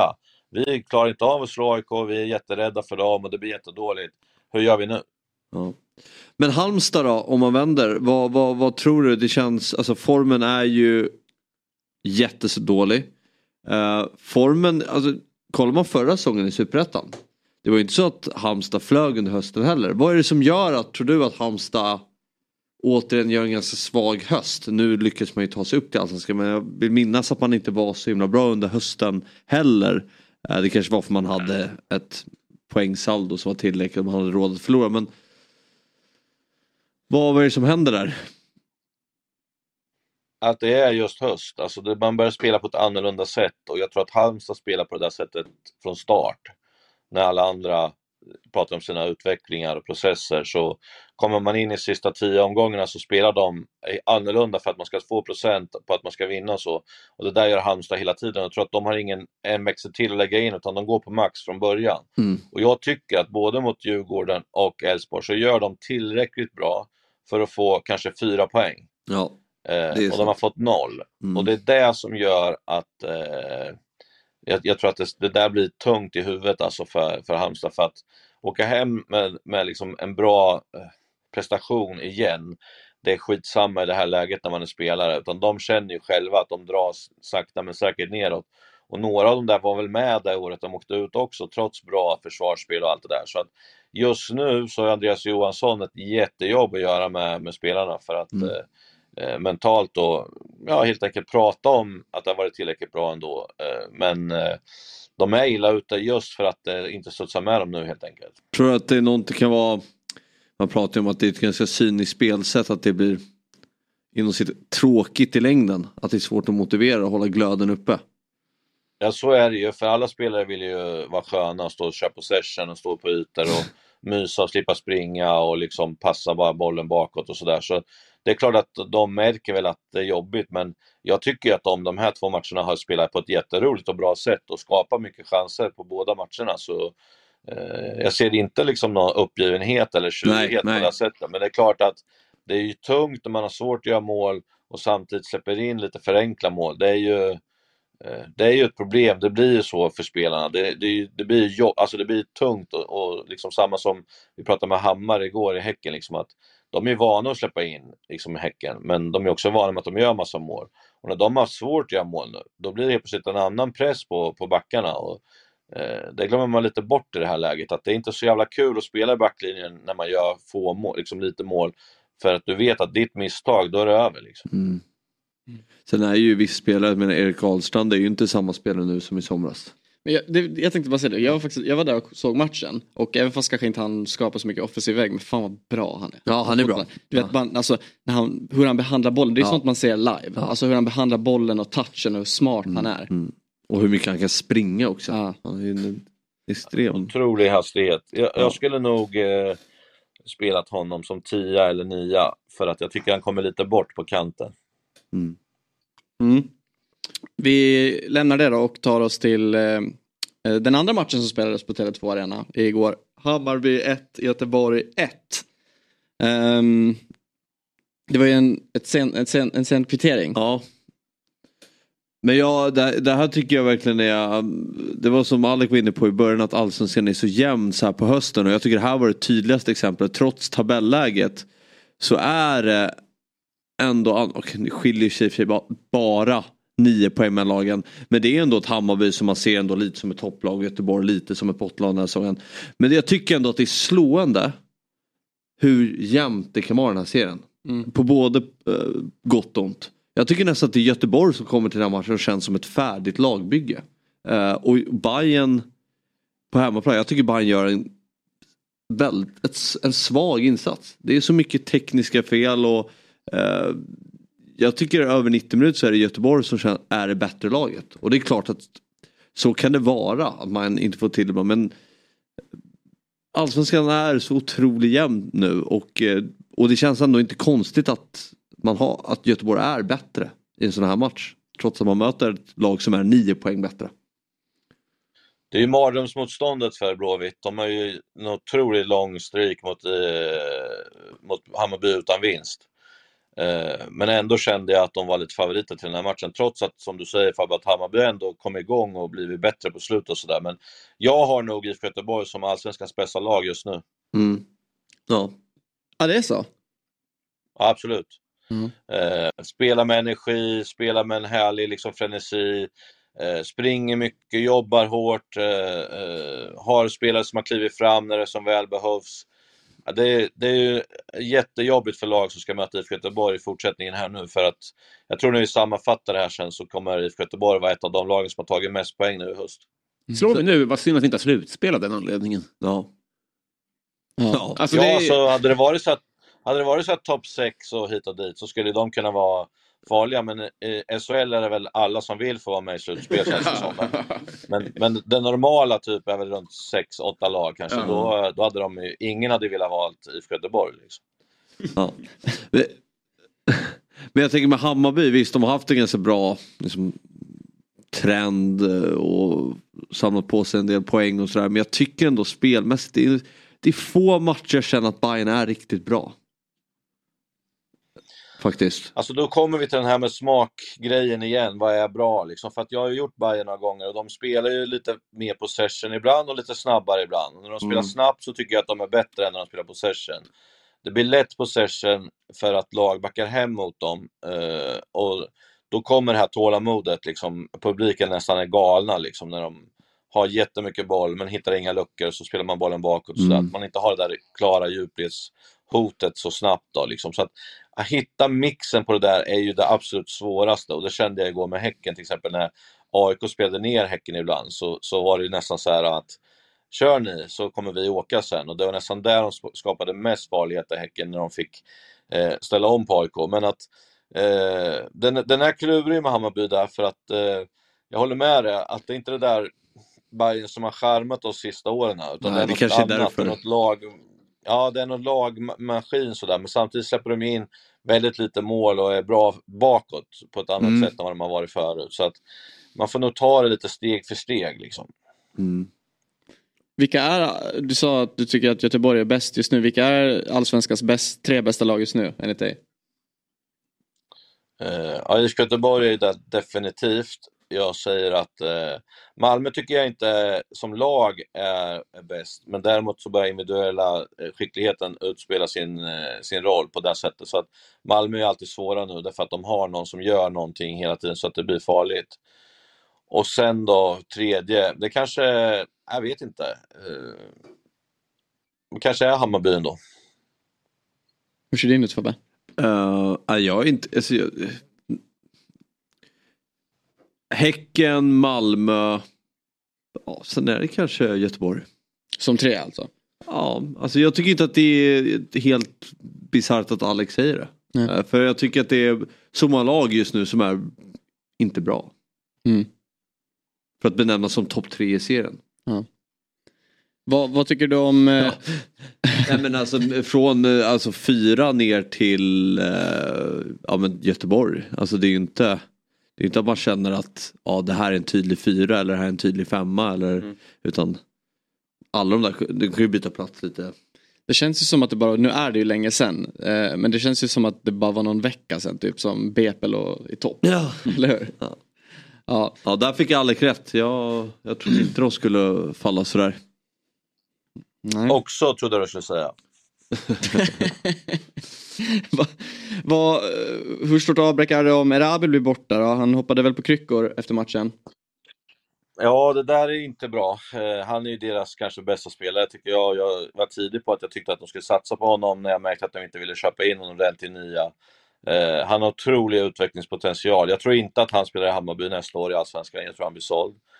Sen det här med kryckor, det är lite sådär, ja alltså, eh, det, det har man alltid med om man säger. Jag, eh, det är en liten anekdot det här, men det är skitsamma. Vi, när vi mötte Häcken borta en gång så, eh, jag hade ju en sån här grej, istället för att målvakten la sig så hade jag ytterbacken på bortre sidan skulle lägga sig om jag behövde en taktisk timeout. Och vi var utskåpade mot Häcken och då, då sa jag till eh, Lorentzon att lägga sig som högerback på andra sidan. Så min sjukgymnast springer in det långsammaste han kan liksom. Och får nästan ställa ner väskan ibland för att ta nytt tag och sådär. Och då, re då reparerade vi lite det där och då hade ju Ahmed Yassin gått över till Häcken så han började skrika till eh, domaren att han gör alltid så här, jag har spelat där, kolla nu, nu kommer alla springa ut dit. Och domaren var så här, sluta gnäll, typ. så vänder han sig om, då står ju alla vid mig, typ sådär. Så då blir han jättearg på sjukgymnasten, så här, nu får ta av han snabbt och sådär. Typ. Och sen är det så här flyt att vi är mål efter en och en halv minut till 1-1 där då. Och det blir ett jävla liv. Och då visste inte jag om det, men sen när jag kom ut i andra halvlek då för den här intervjua, liksom man ska intervjua inför andra. Då säger, jag tror att det var Westberg som sa att ah, Ahmed varit intervjuad och han sa att du hade beställt det där typ. Så då var jag lite tagen på sängen, så då sa jag liksom att nej, nej, nej, för fan, lita inte på folk från Örebro, typ, så jag. Då tog jag bara av mig de där hörlurarna. Så sa jag till materialaren att hämta eh, kryckorna i bussen. Så han springer och hämtar kryckorna i bussen och sen när vi skulle åka hem så alla står ju och väntar på att ska prata med Lorentzon. Då. Och eh, då sa jag till Lorentzon, du tar kryckorna ut liksom. Och han bara, men för fan, han vill inte spela teater typ. Så, men jag sa, nu får du göra det. Så alla står ju kvar när vi ska gå. Då kommer han klick, klick, klick så här typ. Och de bara, oj har du ont? Så ja, det, blir, det, är, det kommer bli svårt till nästa match och sådär. Och då dog allt det här liksom. Så att eh, det där med kryckor är inte hela grejen, så kan man säga. Det är som rullstol på flygplats, det är bara att ta en. Så slipper man dra väskan. ja, exakt. Att man får Man åka här väskorna i bilarna. snö och köra. Jag är bakis. Innan vi släpper eh, den matchen då, eh, straffen då Axel. Ty- Den är rätt dömd? Absolut. Det är så slarvigt gjort, alltså det är så onödigt gjort och, och liksom, ja men lite slutt liksom, typ så. Och sen att man tror att man ska komma undan med det för att man är ett storlag liksom, typ lite så. Eh, jävligt onödigt gjort. Det är, det är en klar straff, även om man kan tycka att den är billig och hit och dit. Så det är, man drar i tröjan, den står som en strut. Det är klart att det är straff. Mm. Det är många gånger jag tycker att han agerar lite för mycket med hjärtat. Uh, inte, kanske inte i den här situationen men många gånger jag tycker han bjuder på frisparkar för det ska vara ja, publiken vill se en tackling och sådär. Och, mm, ibland tycker jag att han kan kyla ner sig lite på planen. Nu är det här eh, kanske ett annat exempel att han drar en tredje straffområde med Hammar. Nej, jag håller med. Ja. Jag håller med dig Fabbe, helt och hållet. Han är ju ingen bayern spelare så att han måste ju hålla på så här för att försöka vinna över något annat. För Bayern ska man ju klacka lite och tunnla och sådär. Det finns ju inte i hans gener överhuvudtaget utan han måste ju ligga så här på gränsen Mm. och skrika och veva mot publik och sånt. Och jag kan också tycka som du att ibland blir det lite för mycket show liksom. Koncentrera dig på att spela bara liksom Mm. så. Men, eh, men han har ju fått ett litet, eh, liksom blivit lite populär för att han gör något annorlunda än vad de är vana med kanske, så kan man säga. Men, men eh, ja, jag håller med dig, han kan nog börja tänka lite mer på andra saker ibland. Eh, Alec, vad hade du på Herman Sjögrell in, i- innan gårdagen då? Mastodontmöt som eh, Robin tog fram för länge sedan. Jag skrattade som fan när jag såg det. Alltså, eh, eh, det, det kändes ju... Ett, han slår inlägget till 2-2 som är helt magiskt. Och sen får han Ja. sätta 3-2. Jag tänkte flera gånger i sändningen säga att eh, liksom, han var ju nära att nicka in det mot AIK. Det var ju då det hände egentligen. Vi, man tog upp den här bilden och Robin kom på det där. och Liksom, så att det här var nog eh, extremt skönt för honom med tanke på just den missen på nick och nu fick han vända på det. Liksom så. Sku, ni, ni har ju pratat väldigt mycket om hela säsongen egentligen, Sirius, att man spelar bra men man får verkligen inte utdelning. Nu har man ju ändå, ja men man slaktade, vilka var det man slaktade med 7-0 nu? Varberg. Varberg och så nu får man med sig en sån här vändning. Är, det- är det helt enkelt så lätt att peka på att det, alltså att det, det jämnar ut sig? På något sätt, över 30 omgångar? Jag tror inte på det där jämna ut sig. Däremot tror jag på att om man gör bra prestationer och jobbar hårt så får man marginaler med sig till slut ändå. Och det är ju mot Värnamo med, de halkar Ja, i straffområdet och, och, och de gör mål. Liksom. Så att de är inne lite ändå i det här att de liksom får det tillbaka samtidigt som man kanske tycker lite för mycket synd om sig i andra matcher när man har tappat idiotiska tapp. Liksom. Så att, men, men det här att det jämnar ut sig, ja, det, det, jag fattar, det är många som säger det, men jag tycker inte att det gör det. Men däremot så har de nu jobbat till sig marginaler på ett otroligt sätt. Och när 2-1 kommer, då tänkte jag så här, undrar hur långt det är kvar för Degerfors, de är nog redan liksom på väg hem och så här. Så kom 2-2 och då tänkte jag, ah, fy fan, nu kommer de åka. Och sen så hör jag bara så här, det är inte sant, typ så här. Så bara tittar man ner, då är det 3-2 igen liksom. Så att, äh, de, de var ju liksom inne i det då, Sirius. Så det är klart att vinner man med 7-0 och sen vinner borta match med 1-0 på, på slutet, det ger ju en form av självförtroende också, ett tro på någonting, fast de inte spelade bra igår egentligen. Robin, om du skulle få designa ett mål du själv Ja. gör i si- sista sparken. Ja. Hur skulle det se ut? Hur likt det målet igår skulle det varit? För jag tycker det där är verkligen det optimala målet att göra. Alltså i slutminuten. Ja, det är snyggt. Alltså verkligen. Det är bra poäng. Det är folk som slänger sig och sånt där. så Det, det Ja, jag menar just att det, det, det dröjer lite. Man, bollen är ju på väg till honom ett tag. Och så man märker nu kommer Mm. står ju han verkligen och skjuta. skriker, Ja. "Ge mig bollen." Ja, men så Ja. nu kommer han ju skjuta. Och så... Ja, men man, vill ju, man vill ju ha så, att man bara möter bollen med en bomb och ser att den går in så du kan börja liksom dra iväg och fira nästan innan den går i mål. När bollen är i verkligen- luften så börjar du göra något Ja. TikTok-skit. Men det som jag störde mig på, jag ska inte, jag ska inte liksom strö något grus i något. Men vad är det för publikreaktioner? Ja. Ja. Blir tokiga. Ni, ni kommer aldrig uppleva något fetare fotbollsdrama. De sitter och biljardapplåderar. Jävla irriterande. De får inte vara där tycker jag. Nej, nej, det är faktiskt, nej tyvärr. Stäng av dem på livstid. Sirius med kommuniké då. Nej, men det håller jag med om. De två i hörnet, Robin. Jävla avtrubbade är de. Vad har de varit med om förut som förtjänar mer reaktioner?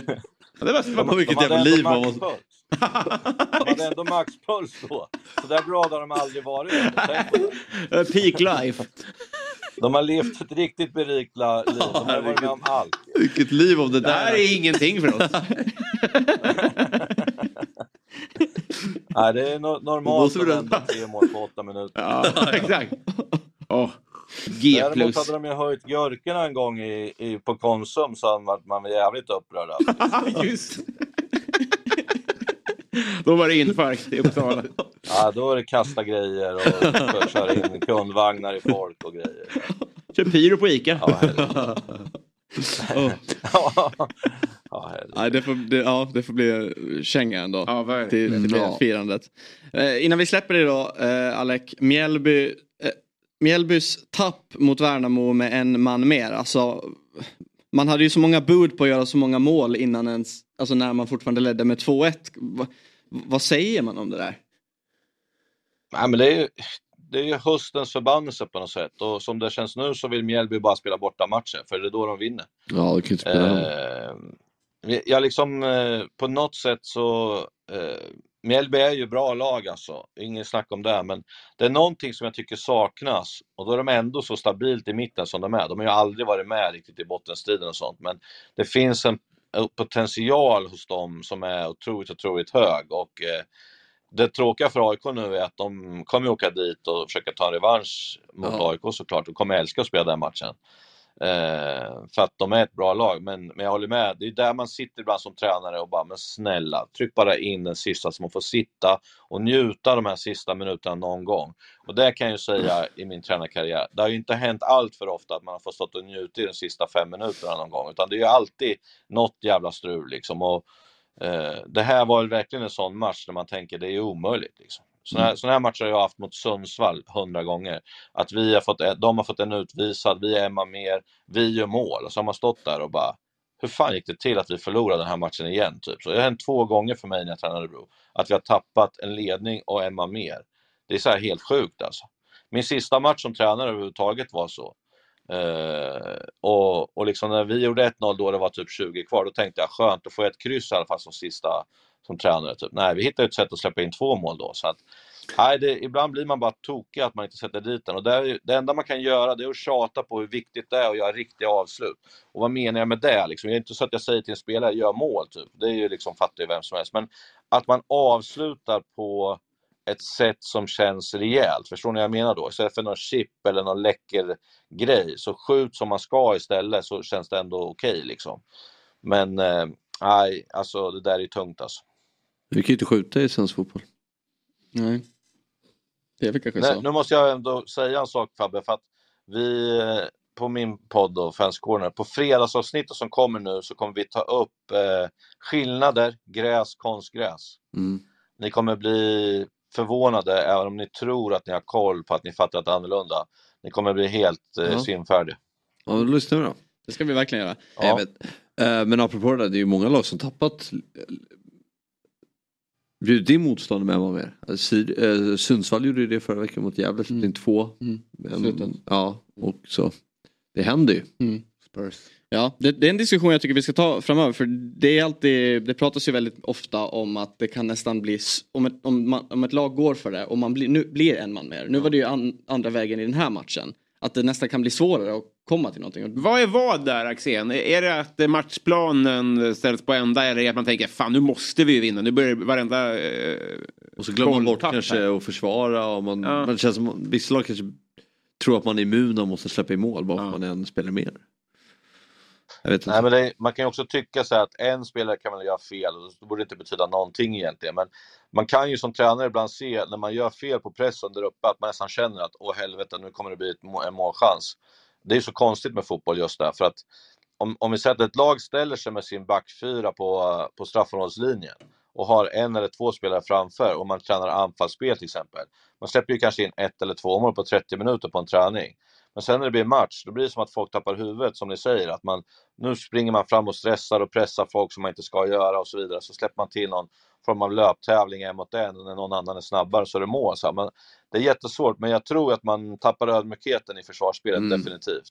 Och sen så tror jag att man spelar liksom pass, att man kör lite mer possession likt så att man blir utspridd liksom på att eh, man ska vara spelbar. Sen när man tappar den, då hinner man inte samla ihop sig så snabbt som man hade gjort annars tror jag. Så att det finns mycket med det där, men sen är det klart att det är inte fördel att vara en man mindre. Eh, det är lätt att vi tar upp de här situationerna, men jag skulle tro att om vi kör 100 sådana Ja. matcher så kanske eh, åt- 89 blir såklart vinst för de som är man med. Liksom. Så Mm. är det ju. Men, men man kommer ju alltid ihåg de där speciella fallen. Liksom. Ja, men nu var det så tydligt för att det var två exempel eh, senaste veckan bara. Eh, Ja, absolut. Det händer ju liksom. Mm.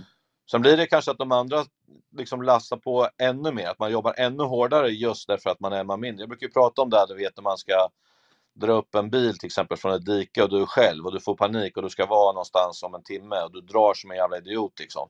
Och sen cyklar jag förbi och säger ska du ha hjälp? Då kommer du aldrig dra lika hårt som du gjorde när du var själv. Men, men vi kommer dra lite mindre men vi kommer få större chans att få upp den och sen kommer nästa och nästa och till slut drar vi upp den men ingen har dragit på någon form av max utan alla ligger på någonstans 40-50 procent liksom. Och det där är också konstigt hur man är som människa men det blir på något sätt sådär bara att man, man gör inte liksom maximalt om man inte måste. Vi är ju av naturen eh, rätt så bekväma och fotbollsspelare är ju s- slöa, så är det bara. Mm. Ja, tack så mycket. slutord. Ja, verkligen. Visa vilken, ja verkligen, det är intressant. blir glad av att se Myggan och Robin varje gång. Så att... Så är det ju. Fan. Ja, tack så mycket för den här morgonen Axel, ha en fin vecka. Ja, vi kämpar på. Vi ses i Malmö ikväll.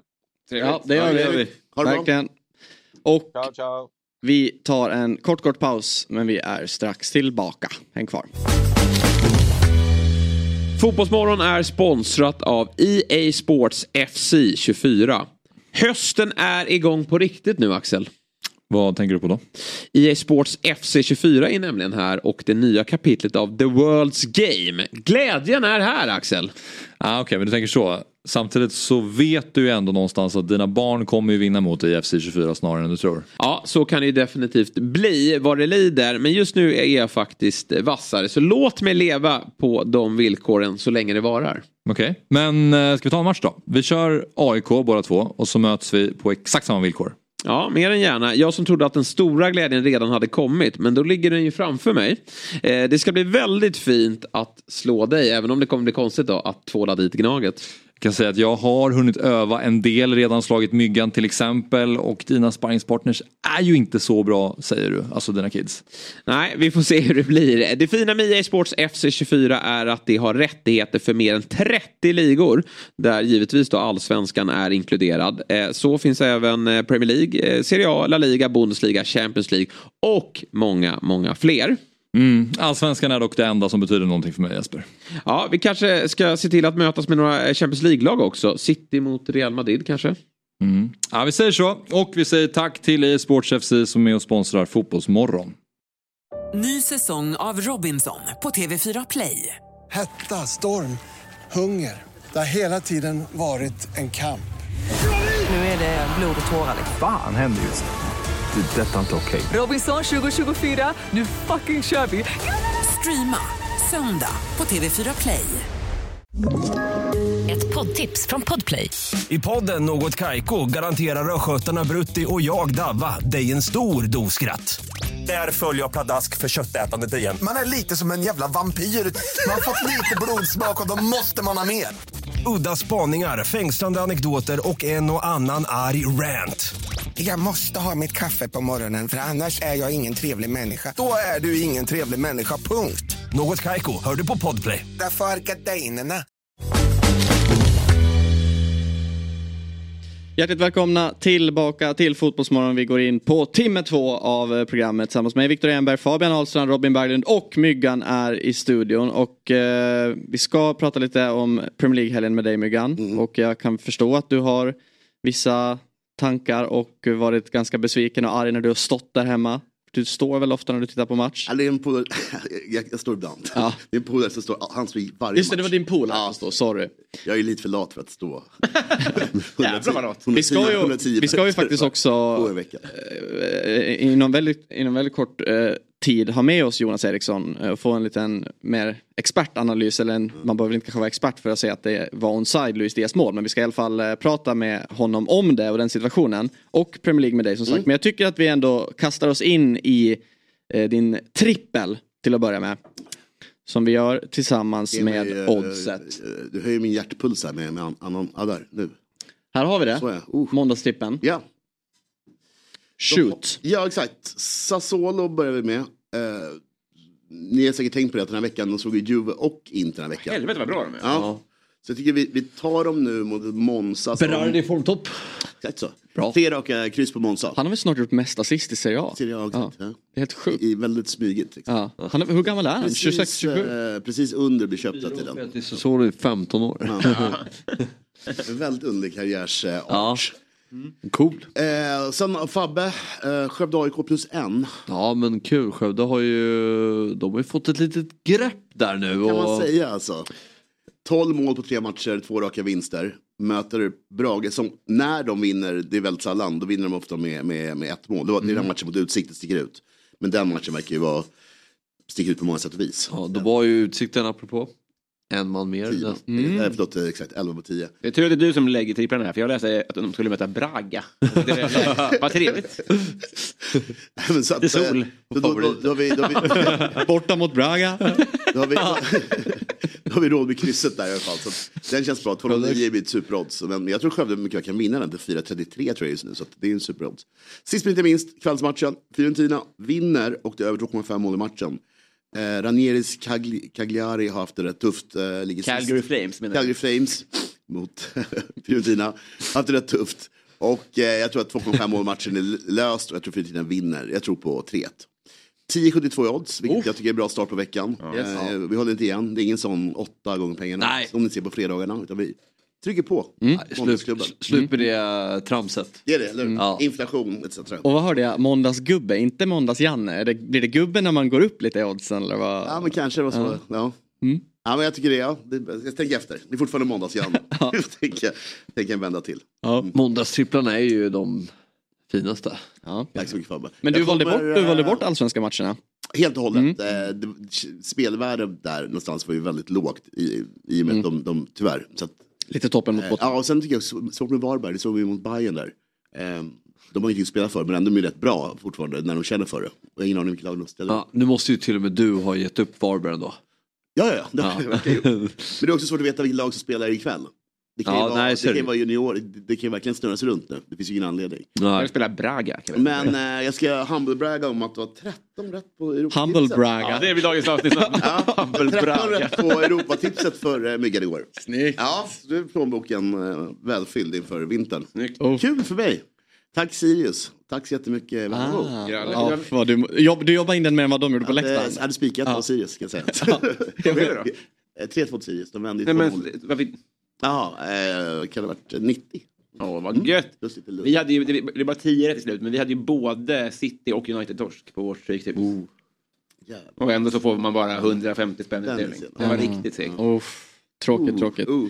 Men Det var svårt, det Stryktipset var svårt att det var så, jag tror alla var rätt ute med att några skulle trilla bort. Men att det just var Everton, alltså i efterhand, liksom, se. Jag tror många trodde Bournemouth och... Eh, men det var snyggt. Mm. Ja, Oddset är en eh, produkt ifrån Svenska Spel och Casino AB. Åldersgräns är 18 år och har man problem med sitt spelande eller upplever att någon i sin omgivning har det så finns stödlinjen.se till hands. Robin? Ja. Vi måste ju också nämna att i fredag så släpptes ju EA, EAFC 24 Mm. och du har ju spenderat en hel helg med det. Ja, nu, har jag ju, nu har jag ju en fullödig rapport, får man nog ändå säga. Eh, jag, vi- eh, man kan väl säga som så. Jag vann båda turneringarna. Så att jag kommer ju med lite... Studs i steget. Precis. Så det, mitt omdöme är ju kanske eh, mer positivt än... eh, Om vi hade ringt upp någon. En var det liksom. 2-2, eller var det fler? Vad sa du? 2-2 möjliga. Du tog Ja, precis. precis, precis. ja. I gruppspelet kör vi två mot två och sen så i slutspelet var det en mot en båda gångerna. Nej, men det som eh, slår en är ju att de har ju verkligen fått till hur, vilket katastrofgäng Chelsea är. De är det absolut, av, av de fyra, fyra och en halv stjärniga lagen som går och eh, spelar så är Chelsea överlägset sämst. Ka- kanske att eh, Bilbao är där nosar också. Men det, det är de två som är de absolut sämsta. Jag, jag mötte Sabri med, med Chelsea, han var Liverpool. Och det var ju inte, det var knappt en spelare som var över 80. Nej, alltså det... Alltså i stats. Nej, det är re- realistiskt. Ja. Mm. Jag är för ung för match liksom. Det finns ju för lite data på de spelarna. Ja. Eller, alltså, eh, alla spelare har köpt liv på så här, vadå, 20 seniormatcher. Mm. Det är svårt att liksom få ut någon form av... Midryck, highlights. det är inte- Nej, jag menar det. Liksom, han är 217 minuter A-lagsfotboll i den Ja. Det är klurigt att då göra honom. 10 miljarder. Men du, kul spelupplevelse. Ja. Var det bra? Eh, Knepigare att försvara men det är ju rimligt, så ska det vara varje år tycker jag. Det ska Ja. vara svårare helt enkelt. Så nej, nej, vi har haft eh, ruskigt kul med det här spelet. Om du vill säga en USP som är viktig på det här spelet. Alltså eh, kvalitet på spelare. Ja, alltså en Alltså det spelare har som varit är- så här, snabbheten har varit viktig, skottet har varit viktigt, inläggsspel eller passningsspel eller vad. Ja, men det är inte lika viktigt att vara snabba försvarare längre. Och det tycker jag är bra också. Alltså, på, på, på samma sätt som att det historiskt har varit för lätt att vara Aubameyang. Så är det nu inte lika viktigt att vara en... eh, en det- alltså en eh, att, att vara en snabb försvarare är inte lika viktigt. Så det, det jämnar ut. En bra försvarare kan vara bra även om den är Otamendi. Liksom. Ja. Det är ändå, det är ändå fair. När man håller på att spela för länge sedan, nu har inte jag varit lika aktiv, spela fotbollsspelen, men det var ju verkligen så, det var ju bara att köpa in de snabba backarna så var man ju good to go. Ja, precis. precis. Mm. Ja, men kul. Ja, du må, vi måste ju också, jag menar, Myggan har ju spelat, eh, som, det finns ju match här på Youtube-kanalen, Fabbe också. Vi måste ju ha in dig nu eh, och spela Ja, som är vinnare i en turnering. Ja, ja men som också... ja men som ändå, du är ändå, det känns, du är den mest, du är den som spelar mest här på bygget. Det, det har tyvärr inte... Det betyder väldigt lite i sammanhanget. Men så är det. I tid har jag sorgligast liv. Det är alldeles riktigt. Konsol? Sorry? Nej, PS4 faktiskt. Ett år till. Mm. Men hur var, var den bra ändå? Alltså är det, är det...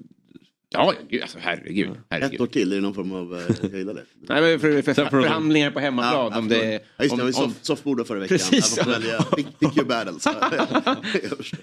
Det soffa eller Playstation? Det är en svår debatt. Mm, nej men det, det ska vi följa upp, vi ska få till en match och så alla ska få se när du sitter i soffan, kanske mot Fabbe, jag vet inte vem drömmotståndaren Ja, är. det vore kul. Ja. Stort tack i alla fall till EA Sports som är med och möjliggör Fotbollsmorgon. Myggan, om vi hoppar tillbaks till eh, den gångna helgen då och eh, allt varstrul och så. Om, om vi bortser från det, det ska vi ju såklart eh, grotta ner oss i alldeles strax. Vad, vad, vad, vad var ändå, vad tar du med dig från Premier League-helgen? Att domarna i, i Förenade Arabemiraten på torsdagar dömer matcher och flyger hem sen. Det är nummer två efter det. Ja, det är problem. Det var inte så mycket glädje som kom Ja, det är svårt att City betalar ut en faktura till domarna i vår match och vi förlorar med en poäng. Alltså. Det vad det. Jag kommer vara långrandig. Jag kommer fastna i en loop. Konspirations-Janne. Ja. ja, men det är det ju. Inte gubbe utan Janne. Men, att, eh, men att, jag- så här då, alltså, jag, jag, är ingenting, jag, jag tror inte på konspirationer men däremot så tror jag inte man ska öppna dörren för dem. Och man ska inte göra det lätt för att det ska vara konspiration och eh, korruption. Sker väl eh, när man minst anar det i de eh, tryggaste rummen. Så varför ska domarna få en faktura ifrån Förenade Arabemiraten som, som sitter äger? Det känns ju idiotiskt. Bara. Mm.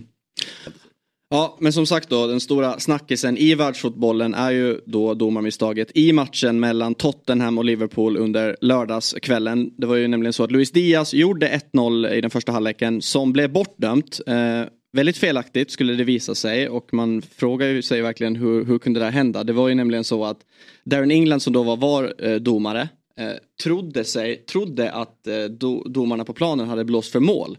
Och då säger han check, war check is over för att han säger att det inte är, eller att han är onside. Men i själva verket har ju domaren på planen dömt offside. Och de tror då att det är offside och målet döms bort och spelet eh, går vidare. Och såklart, vem, om vi vill prata mer om det här, vem ringer vi upp då? Jo, Sveriges bästa domare någonsin och eh, en, av, ett av, en av landets klokaste personer. Så vi säger återigen, eh, och vi är väldigt glada att ha med honom eh, tillbaks i Fotbollsmorgon, Jonas Eriksson. God morgon. God morgon på er, god morgon.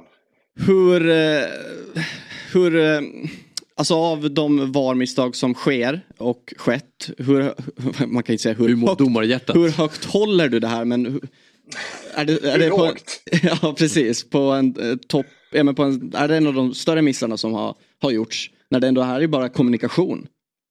Ja, men man kan ju prata om misstag när man tycker olika. Om ni sitter eh, fyra stycken i studion och två tycker att det var en solklar straff och två tycker att det absolut inte var att det var en filmning, då har vi en tolkning. Och VAR ska inte gå in på tolkningar, VAR ska gå in på faktiska felaktigheter när det är tydligt fel. Eh, problemet här är att det är ju totalt haveri kommunikativt. Det är ju, allting går ju rätt till fram till kommunikationen, men kommunikationen är ju så avgörande att, att att allting blir vänt helt upp och ner. Eh, jag såg inte matchen live, jag fick skicka till mig klippet och förstod direkt att okej, det var något fel på maskinen, de kunde inte visa, för vad, de borde ju visa grafiken. Det är ju ganska viktigt, vi pratar trovärdighet, att inte kunna vara korrupt och att inte slänga ut grafiken. Men när grafiken inte kom och så blir det ett human error och då börjar alla spekulera. Och jag insåg ganska snabbt att det som har hänt är exakt det du beskriver. Det är ren och skär dålig olycklig kommunikation. Eh, Men jag skulle säga betoning på dålig, för det sitter inte bara en person i varummet, det sitter flera eh, som har till uppgift att titta på vilket beslut är taget Mm. och sen bekräfta det. Sen har man ju ett alldeles stelbent protokoll vad gäller kommunikationen. Eh, Precis som du beskriver så varummet berättar för domarna att, att man, man kollar det hela och det behöver man egentligen inte göra eftersom att det är ett mål och då vet man att det kollar. Och sen så tittar de på det och säger check complete. Eh, decision confirmed. Och det är det standardvokabulär som används. Och det innebär då att ja, men allt är okej. Och sen när de ser att spelet sätts igång så måste det vara en sån stor klump i magen och paniken sprider sig. Och då är regelverket så stelbent att när spelet är igångsatt, då får man inte gå tillbaka. Det gäller regelbokens tolkningar. Det innebär att har man sett en straff så ser man det när spelet är igångsatt får man inte gå tillbaka. Det enda man får gå tillbaka för det är en armbåge, att någon spottar på någon eller att man har gett fel spelare gult eller rött kort. Det får man gå tillbaka hur länge som helst i matchen. Men här, med sunt förnuft, sitta i bussen och se det här är på väg att krascha, men jag kan fortfarande stoppa det. Då får man ju lov att säga, hörni vänta, vänta, vänta, vänta, vänta. Även om det går mot protokollet så finns det någonting som är viktigare än protokollet i läget tycker jag. Det vill säga att säga stopp, herregud, vi är på väg att köra in i bergväggen. För det är ju vad man gör sen med full kraft, utan bromsar och utan att väja, utan bara gasa på rakt in i en bergvägg. Som det slutar med, jag skulle säga det största haveriet eh, i engelsk i Premier League på väldigt länge. Och då pratar vi inte om tolkningar och beslut där vi tycker olika, utan om faktiska felaktigheter.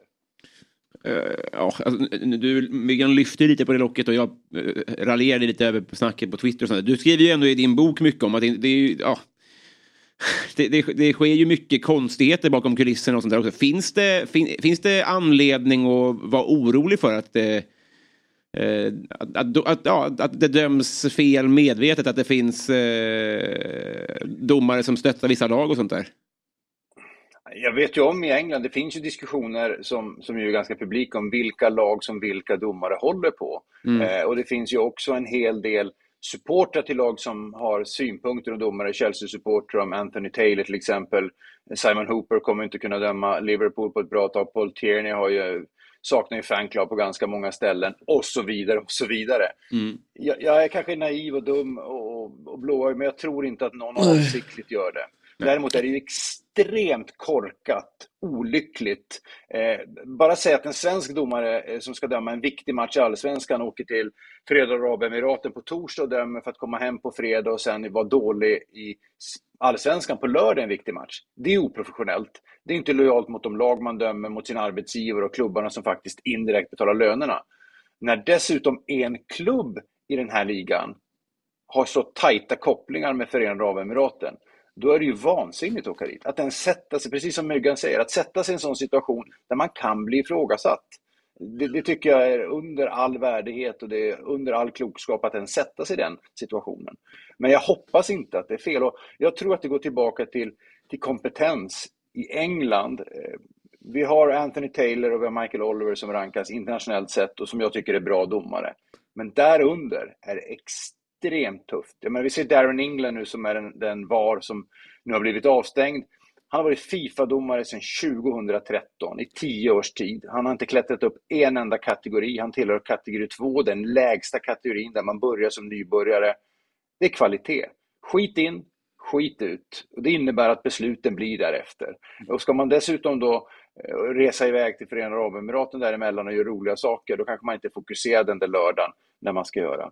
Och, och som Howard Webb, min gamla kollega, har gjort nu, han har ju tvingats stänga av och förflytta domare och sen vet ni om också, jag menar jag pratar om de här klubbsympatierna som finns. Eh, Ja, men ni vet, när man vissa domare så säger alla supportrar nej, inte, inte den domaren. Och det är ganska många. Det innebär att han kan inte ta ut rätt domare till rätt match, utan han får ta ut rätt domare som inte har haft ett problem med ett lag till rätt match. Och det är minsann, det är inte många alternativ kvar där, för det pusslet, det finns knappt att lägga. Är det verkligen så, det du säger apropå, för jag vet ju själv som supporter och snacket på Twitter är ju oftast väldigt starkt förknippat. Ja men det är, han håller på dem, han håller på dem när. Men det, är det verkligen så att det går upp på den nivån när, man, när de får matcherna? Att det är ett problem? Som du, eller, som du är inne på? Ja. Eh, in- dels så, så är det professionellt att berätta vilket lag man håller på och så ska man inte döma det laget. Eh, I mitt fall eh, så jag kommer från Luleå och spelar fotboll med IFK Luleå. Min klubb var aldrig aktuellt. Eh, Nottingham var ju aldrig aktuella för Champions League under, under min tid och inte nu heller minsann. Men jag skrev in det namnet. För jag vill inte döma dem om det skulle dyka upp någonting. Och det är klart att de engelska domarna har gjort samma sak. Men sen finns det ju de informella delarna. Eh, till exempel, jag vet att Chelsea-supportrar tycker att Anthony Taylor, att de aldrig vinner när han dömer för att han alltid är emot dem. Eh, och det är ju informellt. Anthony Taylor har säkerligen ingenting emot Chelsea. Men när han dömer Chelsea, då går varenda supporter in och letar fel på Anthony Taylor. Och det är klart, då hittar man mer fel än om det är en domare som man ofta vinner sina matcher med. Så att eh, det finns ett mönster där och man gäller ju att tänka efter. Man ska inte sätta in en domare på en match där man har en uppförsbacke på en gång. Det är nog svårt från början, men den uppförsbacken börjar bli så stor på så många arenor i Premier League att den är nästan oövervinnerlig för, för de flesta domarna. För det här var min känsla, att den här uppförsbacken, den har supportrarna byggt i sina egna huvuden. Alltså om, om när jag dömde själv, då kunde jag döma mitt Kallhäll ibland. Och jag var så livrädd för att det skulle framstå som att jag dömde för dem. Så i något, om, i no, om något så dömde jag åt andra Ja, hållet. Liksom. ja. Och sen så tänker jag att om du hejar på Chelsea, då jättemånga matcher i samma liga påverkas ju av Chelseas resultat. Så att om du börjar bli konspiratorisk, konspiratorisk och börjar tänka att den här hejar på Chelsea, då kan ju alla matcher vändas till den personens supporterskap nackdel på något sätt. Då finns ju inga domare kvar.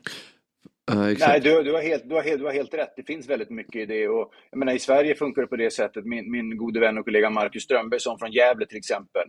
Eh, när Gävle var med i bottenstriden, då fick ju inte han döma matcher i bottenstriden. Han Nej. hamnade i mitten eller i toppen.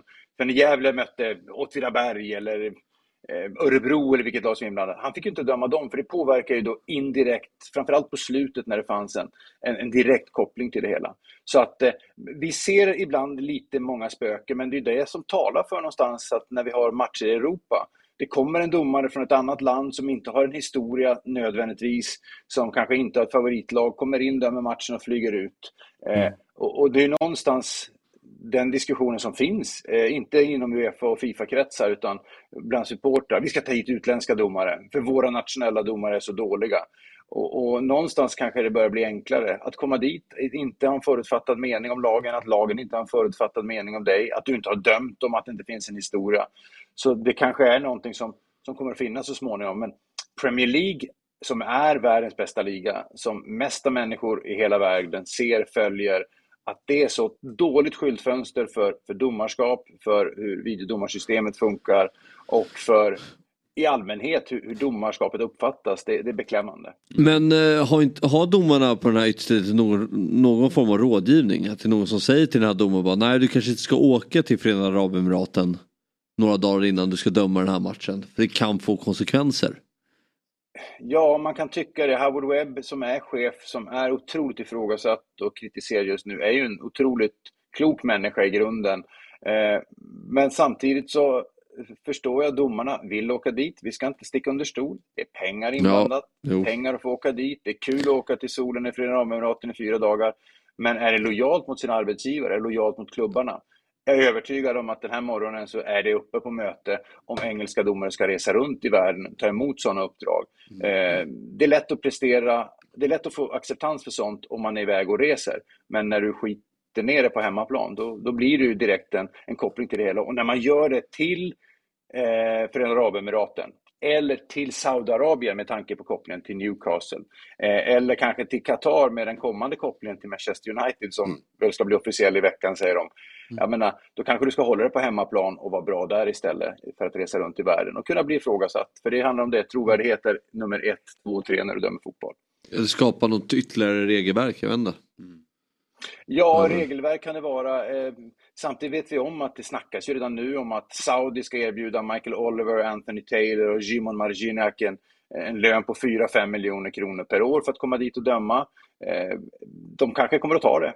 Det är inte alls omöjligt. Eh, Mark Clattenburg, min tidigare kollega, han lämnade ju England först av alla. Ja, det är Han många år sedan nu va? Han var tidig. 20, ja, han, fyra, fem år sedan. Han stack till Saudiarabien först och sen så stack han till Kina och sen så stack han till Grekland, sen stack han till Egypten och nu spelar han mest golf och är domare i Gladiatorerna. Så att han, han har gått vidare i sin karriär kan man säga. Men, men, men, men det, det är ju på gång någonstans att, att det börjar dyka upp det där. Han blev ju då bannlyst från Fifa och Uefa och fick inte döma deras tävlingar. Men han hade gjort allt i princip tyckte han och tyckte det var rätt läge att göra det. Vad får Mike Oliver för en säsong i Premier League? Jag tror de tjänar en bra bit över en miljon kronor. De har en eh, relativt låg grundlön men en hög eh, bonus per match. Jag tror att han är 1,2-1,3 miljoner kronor per år. Såklart jättemycket pengar men jämfört med stjärnorna är det ju verkligen ingenting överhuvudtaget. Och, pengar gör fortfarande att man får misstag. Eh, det pengar kan göra i det långa loppet att det kan attrahera fler människor och vilja ha det här jobbet som är både tufft och utmanande såklart. Är det det jobb i världen tror du som har flest mordhot per krona? Ja, det, det, det, det ligger nog någonting i det. Om du tänker det, jag vet ju, jag känner en hel del poliser som är ute i fält och har det tufft, men när du träffar en polis eh, under tuffa förutsättningar så står det ju inte namn och bostadsort på ryggen. Det gör du på varenda domare. När, när, när någon dömer så vet man exakt vart de bor och det är en knappslagning bort så får du tag i både hemadress och telefonnummer och, och vet vart de jobbar någonstans. Så att ja, det, det ligger nog någonting i det dessvärre. Mm. Snabbt bara innan vi eh, släpper dig Jonas. Det var ju en situation i, om vi ska hoppa från Premier League till den finska ligan faktiskt. Eh, Så eh, det var ju, eh, ja, men det är alltid mycket snack hur länge eh, målvakterna håller i bollen. Att, Vad är det? Är det sex sekunder eller vad är regeln? Ja det är en nolla Sen, sen, exakt, sen millenniumskiftet gjorde man om regeln. Då flyttade man om det från fyra steg till sex sekunder istället. Eh, en, en, jättestor regelförändring på den tiden som har funnits nu i över 20 års tid. Så det stämmer. Sex sekunder ska det vara. Mm, Det finns och det- inga förmildrande omständigheter i regelboken. Det är sex sekunder står det. Var det steg? Fyra steg och leder. Det är som i handboll. som i handboll. Då står jag still. Ja. Stegfel. Men, men i alla fall, still. i alla fall då, det var, det, det var Inter Åbo mot VPS och eh, det var Inters målvakt som höll bollen i 24 sekunder tog det till slut då fick domaren nog och blåste indirekt frispark. Men det är ju bra att det Ja. sker för det känns ju som att man aldrig Ja, gör det det- men att det ändå tog 24 sekunder. Och, alltså, Ja. vad- vad- hur ser du på den här regeln? Varför, den missbrukas ju något det grövsta. Ja, nej, men det är roligt. Jag såg det klippet, jag la ut det på mitt Instagram och bara skrev kommentera, vad tycker ni? Och du vet, folk, folk går ju bananas. Kanon, Det skrev alla. Någonting. Och jag menar, 90, Tillbaks med fyra steg. ja, men, ja, exakt, 99 procent skriver det är rätt, bestraffa. Varför har vi Ja. en regel som vi inte följer? Ja. Och jag kan tycka likadant. Om vi nu har en regel som säger 6 sekunder, eh, då måste vi följa den. Jag tycker att vi kanske borde höja upp den till 10 och sen Ja. följa den strikt. Mm. Eh, och verkligen göra någonting åt den. För det där är ju, om du varje gång tankar 5-6 sekunder uppe i 11, 12, 13 sekunder. Fan, gör du det? En målvakt har väl bollen kanske tio gånger på en match. Det, det, det blir bra med tid i slutändan. Och det är inte därför man är där för att titta. Och framförallt när det sker i syftet. Ligger man under Ja, då är det väl en sak. Vill du stå den där med 20 sekunder, men gör det då. Men le- är det oavgjort eller liknande, eller framförallt om du leder, men då har du ett syfte med det hela. Det är ju samma, att kunna förstå den delen. Så att nej, men någonting bör man göra åt det, för det här är regeln som ingen följer och som Fifa inte heller vill att man ska följa. Va? tandlös och Nej, nej, nej. Skulle du döma för den i en Fifa-turnering, då åker du hem med huvudet före och får aldrig mer döma. Helt under... Ja, ja, absolut. Det fanns en, en, en, norsk domare, en kvinnlig domare som dömde en OS-semifinal 2012 där hon blåste just för den här regeln. Hon- 12-13 sekunder och hon blåste. Och det gjorde en indirekt frispark, jag tror det var USA mot Kanada. Frisparken blir inte mål på, men det blir hands och straff. Och det lag som får straffen emot sig, jag kommer inte ihåg om det var USA eller Kanada, blev utslagna. Den domaren, den tjejen, den kvinnan, såg jag aldrig mer döma internationell fotboll. Och det är ju ett sånt där skräckexempel. Följ inte reglerna. Och det konstiga, vad gäller tröjdragning, slag, spottningar, eh, målchansutvisningar, där säger alla följ det, men inte just här. Ja, otroligt. Vilken uppmaning. Ja. Följ inte reglerna. Ja men Jonas, tack snälla för den här morgonen. Vi lär säkert få återkomma och, och ha nya funderingar vad det lider. Absolut, ta hand om er. Vi har nästa vecka när alla domslut har varit rätt. Trevlig måndag. Ha det bra. Samma. Nu hörni ska vi gå vidare till något lite mer muntert. Eh, det är väl ju så Robin, att man som barn drömde man ju om att vandra ut på planen med en av sina favoritspelare. Verkligen. Mm. Och eh, först och främst då, som maskot är det ju man är. Har, du- har, någon, har du fått vara det? Aldrig. Har, du, har du gått ut på Aldrig. stadion? Nej. Nej. Drömde om det? Ja, Du var ju helt lillgammal som barn. Ja, just det. Hur som helst, en person i alla fall som vet hur det känns att vandra ut bland stjärnorna det är 10-årige Frank Lund. Det var nämligen så, så att i lördags gick han ut på planen inför 40 000 åskådare på Goodison Park när hans Everton tog emot Luton Town. Tråkigt med resultatet i matchen. Men eh, vi, nu väljer vi glädjen. Och eh, det är en otroligt mäktig grej. Och nu är det nämligen så att vi har med oss Frank och pappa Jonas. Så vi säger god morgon och välkomna till Fotbollsmorgon.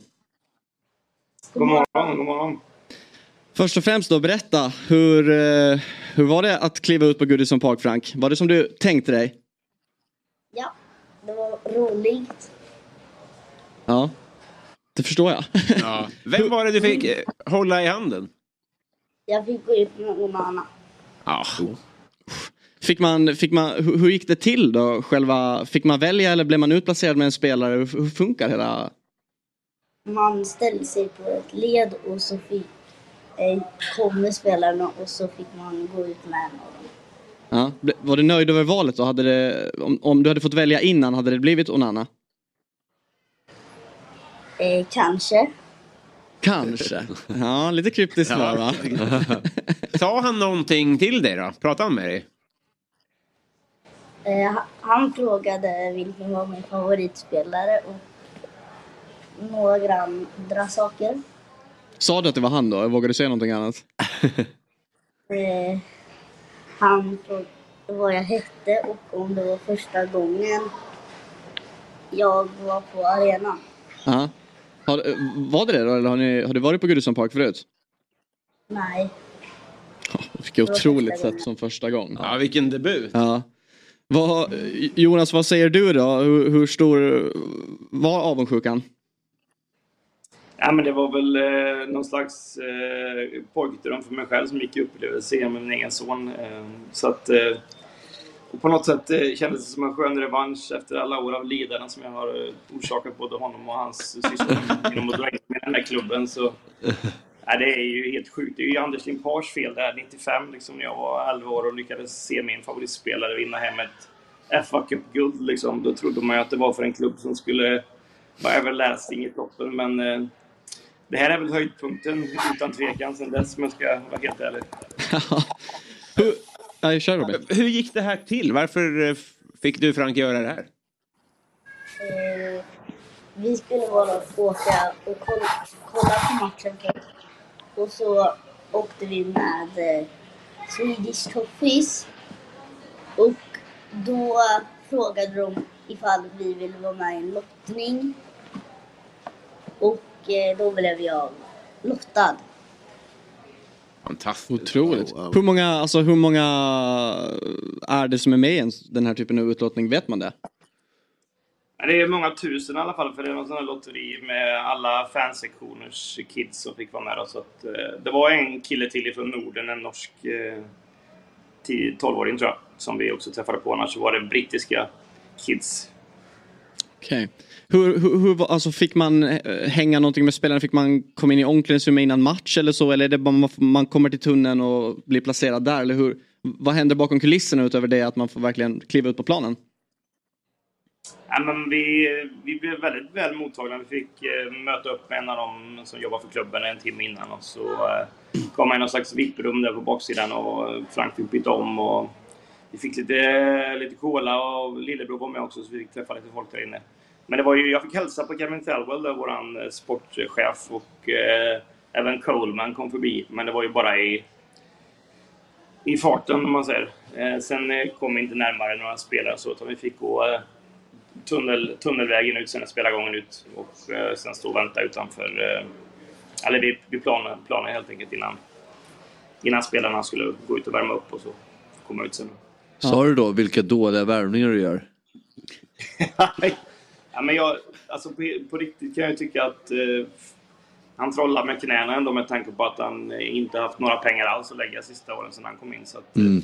det är inte hans problem, eh, eller han får, får röra vid problem som är mycket högre än så. Så att, eh, jag tycker nog han gör det ganska bra jobb ändå sett till att han inte har några pengar alls att röra sig med. Mm. Sett till då alltså en dröm som går i upplevelse och en helt fantastisk dag. Sett det, det enda som, som kanske om, pajade lite om man får säga så att man inte får med sig tre poäng. Men i, i, lämnade ni Goodison Park med ett leende på läpparna ändå eller? Det är ändå nykomlingen man, man föll mot. Vad säger du Frank? Ja. Det var roligt att åka ändå. Ja. Även fast vi förlorade. Det är ju så. Man, vana, så det- man får ju tänka att liksom det, lidandet fortsätter. Men det är klart att man kan känna... eh, Vi kunde få vunnit den här matchen i alla fall, men ja. Mm. Det är en fantastisk arena Goodison Park. Jag har faktiskt varit där. Och det, om, om, det nu, om det nu ska försvinna och komma ny. Det är ändå en av de få brittiska riktigt klassiska arenorna. När man promenerar där på gatorna, arbetarkvarteren och så dyker den upp där. Det ser ju verkligen ut som en, det hade ju kunnat vara en industrilokal nästan. Och stämningen där är ju verkligen alltid på topp. Så det är ju, ja, det är en arena man vill besöka. Absolut, det var, det var ändå kul att vi hade vunnit på matcher innan. För att eh, stämningen när vi stod där ute och allt tog igång var ju elektrisk. Sen eh, när Luton gjorde 1 och 2-0 så dör det ganska snabbt och så är det som det är efter det. Men eh, det var ändå häftigt att få vara med lite i en positiv känsla i början i alla fall efter ett par, par sköna vinster här nu. Så att, eh, vi tar med oss det och alla fans vi fick träffa. Och, vi var ju 90 svenskar som åkte över så bara det var ju också kul. Oj. Mm, ja men alltså eh, Swedish Toffees de brukar ju alltid skicka eh, årets jultröja eh, till David Fjell i Eurotalk. Så vi, vi hoppas att den dyker upp även i år. Det vågar jag lova att den kommer en ny tröja, absolut. Ja, de brukar faktiskt vara rätt roliga och kreativa. När, blir, nä- när blir det nästa besök på Goodison? Jag, jag tror att det var sista besöket på Goodison nu. Vi tror ju att Bramley Moore ska vara klar här nu. eh, Om Ja. inte till nästa säsong så kanske till säsongen efter. Så i alla fall med, med kidsen är det vår eh, sista gången att uppleva det. Så att vi, eh, nu kör vi Bramley Moore nästa Okej. gång. Och den ser fin ut. Jag var ute och tog en morgonrunda på, på lördag morgonen och sprang förbi den och den är väldigt fint. Så att eh, det blir bra. Hoppas vi har ett lag att ställa på planen också som är värdigt ända innan. Ja. Hade lite morgonluft i alla fall. Premier League också. Exakt. Ja, precis. Ja, exakt. Ja, men fint ändå för dig Frank att få uppleva Goodison Park, verkligen. Och eh, stort tack att ni var med oss och delade med er av den här upplevelsen denna morgon. Eh, kämpa Everton så kanske vi hörs framöver då. Tack så mycket att du fick komma med. Hälsa hon Anna. Ha det bra. Hej Frank. Ha det gott. Hej. Hej. Ja, häftig grej. Ja, Ja. vilken Premier League är ändå rätt stort alltså. Ja. Man har ändå alltid tänkt, alltså bara när man, eh, alltså det blir mer det att man kanske inte tänk, går- idag och säger, undrar hur det ska vara att kliva ut, men just det här bara med att typ göra ett mål, alltså den känslan att bara framför publiken på det här sättet som Herman som vi ska prata med alldeles strax gjorde igår, firade fast publiken där kanske inte firade så hårt, eller typ, ja men Lukas eh, Bergvalls mål när han sprang ner till publiken också i helgen, det, ja, det, det, det går ju inte att veta hur det känns. Nej. Alltså, jag, jag vet inte vem, du Fabbe, du har väl kanske varit Närmast. närmast där då, Jag vet inte hur mycket publik det har. Det ju ett mål i fotboll. Ja, Ja, exakt. Vi, kan väl, eh, vi kan väl istället bara eh, fråga någon som nyligen har väl gjort bättre. det. Det är väl bara några timmar sedan Ja, nästan. och reaktionerna på det också, det finns mycket frågor där. Ja, exakt. Ja, men som sagt då, vi var- har ju varit inne på det. Sirius Degerfors igår blev ju omgångens match i allsvenskan, kanske säsongens till och med, sett till dramaturgin och man, ja, Gud ja. allting kring, kring det. Och eh, mycket tack vare nästa match. Han byttes in i den 78 eh, matchminuten och låg sedan bakom vändningen med en assist till 2-2 målet och det avgörande 3-2 målet i den 99 minuten. Vi säger god morgon och varmt välkommen till Fotbollsmorgon, Herman Sjögrell. God morgon, god morgon. Har, jag, såg något, jag såg på min Twitter något klipp att du, du var ute och firade lite med fansen igår. Eh, ja, vi hade en liten eh, stund på, på en av barerna där de ville att vi skulle komma dit och säga hej. Så att, eh, det var några i laget som var där. Så det var fint faktiskt. Jag, kan, alltså, det, jag hade ett tillfälle, jag blev upp, jag tar detta på datorn nämligen, jag skulle tagit det på luren men så här ser min lur ut idag. det var, eh, de, var, de var jäkligt glada att se mig kan jag säga men, eh, men det får, det får vara okej då. Ja, värt det kanske. Verkligen. Har du kunnat sova någonting? Fakt, alltså så här, jag, brukar, jag sa, sa till folk att jag skulle sova gott i natt och det gjorde jag väl så fort jag hade somnat men eh, det tar lite tid liksom. Hur många gånger har... Mycket tanke. Ja, hur många gånger har du sett målet i repris? Ja, för många gånger egentligen. Jag sa att eh, hjärtpåslaget har äntligen lagt sig och andningssvårigheter och nej det var, det var jävligt sjukt var det. Så. Vi, vi pratade om perfektionen i det på något sätt. Att du får ju se hela, du ser ju hela vägen och det, du har tid på dig att börja fira när bollen fortfarande är i luften och sånt där. Va, minns du vad du hinner tänka? Nej, men jag tänker väl, eh, min första tanke är faktiskt att jag ska dra till alltså, med, med en rak vrist liksom och bara smälla. För att det är väl det som är det lättaste om man får ett läge i, sent i matchen, liksom bara sätta dit foten. Men, men så ändrar jag mig i sista sekund och sätter en bredsida och då, de minns jag verkligen, alltså det är så svårt att beskriva. Jag hörde ni snacka om hur det känns och så, men det är verkligen som på film alltså. Det, det känns som om tiden står still och liksom när bollen, när jag ser att bollen är på väg in och den är inne liksom så, så säger jag till mig själv liksom, ah, fan den är inne, det går inte. Så eh, första känslan, jag ska ta det lite lugnt, fira lite lugnt så här, men det går inte att hålla inne. Det är känsloexplosion. Det är ju lite kul i ditt firande för du börjar ju direkt tröjan ska av men du får inte av den. ja, exakt. Nej, som jag säger, det är, det är svårt att få det vackert i ett sånt. Jag tänkte jag skulle dra någon Luca Tone eller någonting. liksom. Men, men eh, det, ni fick se en genu, genuin liksom, Ja. ja. känsloexplosion. Ja, det är ju så mycket finare. Ja. tänk, om, tänk om du bara hade fått hjärnsläpp och kört en sy eller någonting. Det hade... Nej, men eh, underbar känsla. Det, det går inte att beskriva. Det är liksom, eh, allt, allt blir värt liksom på något sätt, allt man har gjort och, och allt, allt man gör liksom för fotbollen. Det är the beautiful game verkligen, så det är underbart. Det kommer ju lite, din assist kommer ju verkligen i skymundan eh, till kvitteringen men det är ju en otrolig assist också. Mm, tack så mycket. Tack så Eh, mycket. och, Eh, ja. Nej, nej, men eh, ja, herregud. Alltså det, vi ska ha in bollen i boxen liksom och så vi har tränat mycket på det så att, nej, det var fint. Men kan du beskriva lite vad det här målet betyder för dig som ändå har kämpat med speltid och varit utlånad och sådär. Hur, hur mycket betyder det här målet för dig personligen? Nej, men jag, för, jag kom ju för två och ett halvt år sedan eh, från ÖIS. Jag hade en väldigt bra tid i ÖIS. Kom väl på, på lite upptåg eh, mitt i säsongen och, och hade stora mål såklart om att och, och slå igenom så tidigt som möjligt i ÖIS efter ändå blivit värvad för en, för en större summa. Liksom. Så att, det har tagit sin lilla tid. Eh, sen eh, sa jag igår att eh, det inte spelar någon roll att det kom så sent. Det är klart att jag hade velat att det skulle komma tidigare men men efter allt jobb och, och allt slit så, så liksom blir det lite ketchup-effekt på något sätt. Eh, Jag har en assist som är likadan mot Kalmar eh, i ett annat inhopp. Jag har fått göra korta inhopp i år så det är inte, det är inte mycket, att- mycket att hämta alltid men, men det handlar om att försöka ta vara på det och då, då, då kan det bli så eh, som det blev eh, igår. Så att, eh, nej, jag har jobbat väldigt hårt och det, det kändes verkligen som om, som om spelarna och, och, folk i klubben unnade mig det. Så att, nej, det var underbart. Det betyder jättemycket. Det är ju något ironiskt med att du sparkar sönder telefonen samma dag som den, din inkorg måste vara mer packad än någonsin. Exakt. Det är min korg. Det har varit lite problem. Det är lite svårt det där faktiskt för att man, man vill svara alla och det, det är en jäkla massa som skriver och samtidigt så vill man ta in stunden och, och slappna av lite. Men Mm. eh, jag ska gå och fixa den så jag kan svara alla. Så att, eh, jag hann vara med er i alla fall. Så det är fint. Ja, det uppskattar vi. Tackar ja till Inter. Det ligger där i inkorgen. Jobbar. inom en timme, då blir det inget. Exakt. Skit i det då. Men hur, också för er so- som, som lag, ni kämpar ju indragna i bottenstriden och ändå haft en del eh, matcher som har stått och vägt och ni inte fått resultaten med och sådär. Hur, hur, viktigt, hur viktigt var det här? Nej men det har väl alla sett att vi är ett bra fotbollslag liksom. Men eh, vi hade det tufft i början. Vi tog, eh, tog tio matcher förrän vi tog vår första trea.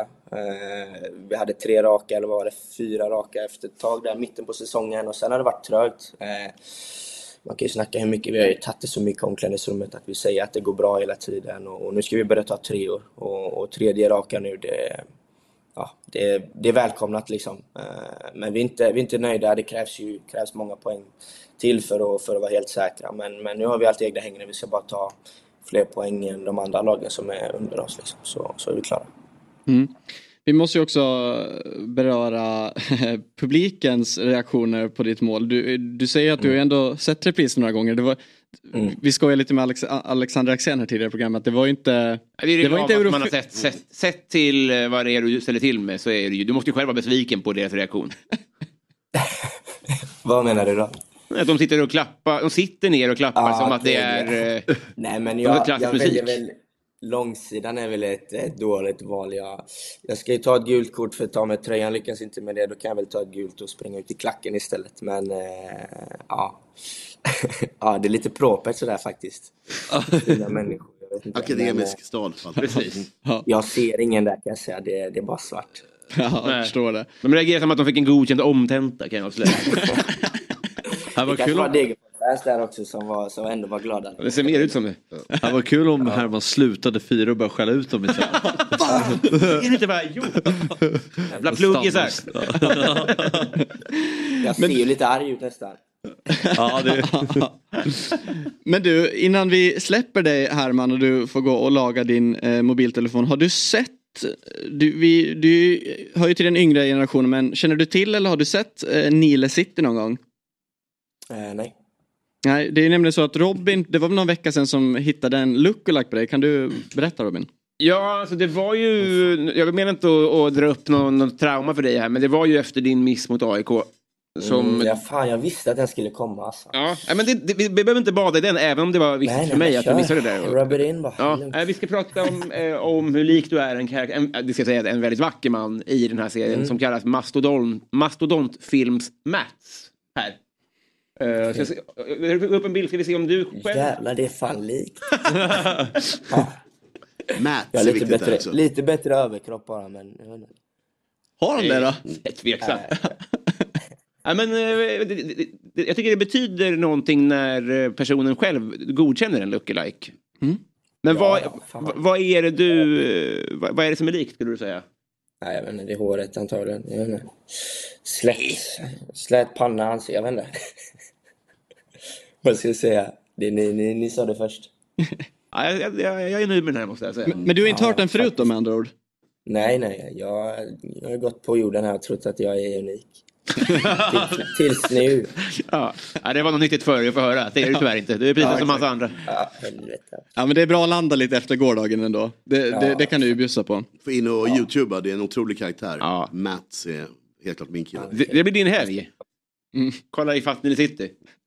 Ja, exakt. Det är så jag firar. Ja men Herman, stort grattis återigen till vändningen, assisten och framförallt målet och eh, kör hårt resterande omgångar så hörs vi framöver. Tusen tack. Tusen tack. Tack för att jag var med. Ha det fint. Ha det bra. Ha det bra. Ta hand om er. Hej. Vi gasar vidare med högt tempo. eh, För det är ju nämligen så att eh, tidigare i augusti så meddelade ju Halmstad BKs målvakt och tillika Dobb-favoriten och vår vän eh, Malcolm Nilsson Sävqvist att han tar en paus från fotbollen och, på sina sociala medier berättade 29-åringen att beslutet beror på psykisk ohälsa. Han sa när jag, är redo, när jag är redo kommer jag självklart att berätta mer om det här. Och eh, Discovery plus expert och tidigare landslagsmålvakt eh, Per Hansson har nu träffat Malcolm, Malcolm och eh, gjort ett reportage som kommer att visas i samband med Discovery Plus sändningar och vi ska se en liten bit av det inslaget nu. Nej, den är inte... Jag är i och för sig van vid... Fan vad du skjuter hårt Dennis. Det absoluta liksom, tydligaste är ju såklart matchen mot, hemmamatchen mot Varberg här i somras. Han går på avslut. Han spelar till Tranberg som skickar iväg den där. Och titta, den går i mål. Och det är en rejäl målvaktstavla av Nilsson Säfqvist. Hur kan han släppa den där? Efter eh, ja, ett eh, dåligt ingripande på deras första mål och ett mindre bra ingripande på deras andra mål så känner jag att det är något som inte står rätt till i kroppen. Liksom. Som målvakt så har man alltid haft liksom små triggers eller tics liksom för att koppla på sig själv i matcherna igen. Liksom. När man gör det och kroppen liksom inte svarar, att kroppen, att man känner inte ens av det. Kroppen är helt avdomnad. Och då blir ju det en ytterligare stress. Liksom. Var, varför händer ingenting? Liksom? Vad, vad är det som är, eh, vad är, vad är problemet? Liksom? Sen blir det en situation där det blir ett friläge för Varberg i ett 2 underläge. Och jag går ut och gör en räddning liksom, och får efter det liksom, säkert en liksom, adrenalinkick som gör att det bara kokar över fullständigt. Liksom. Och därefter är det ju blackout. Liksom. Mm, ett inslag som sagt kommer att kunna ses i sin helhet då eh, i Discovery Plus eh, sändningar framöver. Och eh, nu har vi även med oss eh, Per Hansson som varit ner och träffat Malcolm. Vi säger god morgon och eh, välkommen till Fotbollsmorgon Per. God morgon, tack. Trevligt att få vara med. Mm, kul att ha dig med.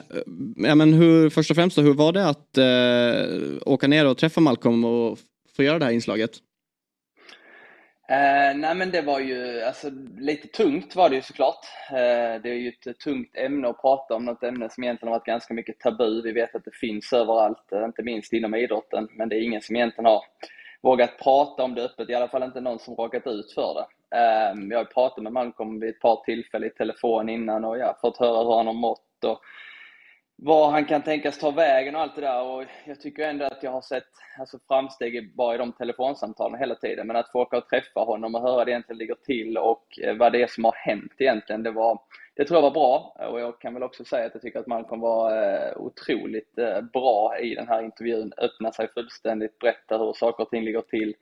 Eh, och vad som har hänt och vad som ligger till grund för ja, det som har hänt för honom. Då. Hur viktigt är det, som, eller är det att fotbollsspelare berättar om psykisk ohälsa? Som du säger, det är ju ganska tabu ändå. Ja, men det har ju varit det. Alltså det är jätteviktigt. Alltså vi vet ju om att det finns i samhället. Det är ju bara att titta på folk som är, är, inte mår bra, som är sjukskrivna, eh, som har mycket ångest eh, och psykisk ohälsa. Och det finns inom idrotten också. Och det är väl kanske ännu tuffare inom, inom idrotten med tanke på hur hårt granskade Eh, alla idrottare är, oavsett eh, dam, här eller om det är golf, fotboll eller hockey. Så att den finns där. Eh, jag tror det är viktigt att det kommer ut ett exempel som verkligen är med om det och som, som verkligen kan prata från hjärtat. För det är lätt att vi från sidan pratar om att det finns och att det är jobbigt. Men jag tror att om du aldrig har varit där, så djupt inne i det som man har varit, så går det nog inte riktigt att sätta sig in i det. Nej. Men du säger att det är svårt att sätta sig in i det, men du som ändå är före detta målvakt, kan du på något sätt känna igen dig på ett annat sätt än kanske vi som konsumerar fotboll och har, vad ska man säga, bättre koll på utespelandet? Ja men det tror jag. Alltså jag har ju själv, och det har jag väl varit tydlig med, att jag har aldrig varit så djupt nere i det som, som Malcolm varit. Jag har också haft mycket prestationsångest, eh, många tunga eh, dagar eh, och kanske egentligen ganska många matcher där man mer har känt en lättnad efter matchen än en form av glädje. Eh, så jag kan verkligen sätta mig in i, i hans situation. Och eh, jag tror att det alltså i, i allmänhet för fotbollsspelare är det tufft. Man är väldigt hårt granskad, men i synnerhet för en målvakt. Det räcker ju att man gör ett misstag på en match så är det i stort sett kört. Det spelar ingen roll om du gör eh, tio bra räddningar efter det. För om det kostar dig tre poäng så är det du som ska stå där och, och säga detta. Um, så att jag tror väl att jag, eller jag vet att jag kan sätta mig in i det. Jag kan förstå känslorna. Um, och det är, väl, det är väl ganska mycket jag saknar med varje elitfotbollsspelare. Men, men just den där känslan att två, tre sekunder efter ett tungt misstag när man inser att det där var mitt mål. Mm. Eh, den känslan saknar jag inte överhuvudtaget. Det var, fanns många jobbiga stunder i min karriär kring detta också. Blir man mer utelämnad som målvakt? Ja, men det blir man ju. Jag brukar säga att det är som att vara ett lag i ett eget lag. Eh, och det är lite speciellt det här med att man är kanske en målvaktskonstellation med, ja, men säg två målvakter och en målvaktstränare. Eh, Och så ska man Mm. fightas hela tiden, man ska konkurrera med varandra samtidigt som man måste stötta varandra. Um, och jag tror att det är ganska många som kommer att se det här reportaget som är målvakter idag som, som, uh, som kommer liksom känna igen sig i allt det här. Um, sen hanterar man det på olika sätt. Uh, vissa går in i sig själv, vissa behöver prata om det. Um, vissa uh, håller det bara för sig själv, vilket jag tror är, är svårt att klara av över tid. Men det är klart att de positionerna, oavsett sport, när du är helt utlämnad så då, då tar du lite hårdare och målvakt är väl ett sån, en sån roll. Det, Det är intressant när Tabur pratar om och att det på alla sätt är jätteviktigt att folk pratar om det. Vad är din bedömning av hur mycket hur skadar det en karriär att gå ut och, och vara ärlig med sånt här? Alltså varför, är det, var, varför väljer folk inte att göra det? Tror du att det kan hindra framtida värvningar eller kontraktsförlängningar eller sådär? Ja, men det kan säkert vara en del i det. Jag har funderat mycket kring detta eh, och, och det kan jag, det, det tittar på mig själv och min karriär när jag mådde, när jag mådde dåligt och tyckte att saker var upp och ner och sådär så var inte jag, gick ju inte heller ut med det. Men, men jag pratade med min fru om det, med mina föräldrar delvis om det och att jag liksom fick lufta mina tankar där och då. Det har inte Malcolm gjort och det kommer ni se i reportaget också. Och jag tror att det blir en ännu tyngre börda att, att bära då. Men som du säger, det kan ligga till grund för det. Alltså att vad tänker klubbarna? Kommer jag få ett nytt kontrakt? Är det svårare att gå utomlands? Och sen också det här att man inte vill erkänna sig svag. För att för många som är i den situationen så tror jag att de, de, eh, men de tänker om sig själv som att ja, men jag är inte tillräckligt stark för att klara av det här. Och det är egentligen inte det det handlar om, utan det handlar om hur man hanterar det. Ehm, så att det är säkert en bra aspekt den du har och jag funderar kring andra saker kring det. Och jag tror att just det här att öppna sig Eh, och, och visa sig svag, om man nu kan säga så, även om inte det är så, den ligger nu till grund för att många faktiskt inte pratar om det. Mm. Ja, vad, alltså och- och- om, om du, du pratar om din karriär när det varit som mest upp och ner. Alltså, kan, kan man som målvakt se att man kanske är i en sämre period men laget går bra kontra att man som målvakt är i en bra period men laget går dåligt. Eh, blir det mer individuellt? Att du kan kanske ha, ha egentligen själv må sämre även fast eh, det går bra eh, prestationsmässigt för laget om man plockar poängen eller ja, om du förstår frågan. Mm. Nej, men det där, är, det där är lite spännande att tänka kring, för jag tror det är väldigt olika hur du är som individ.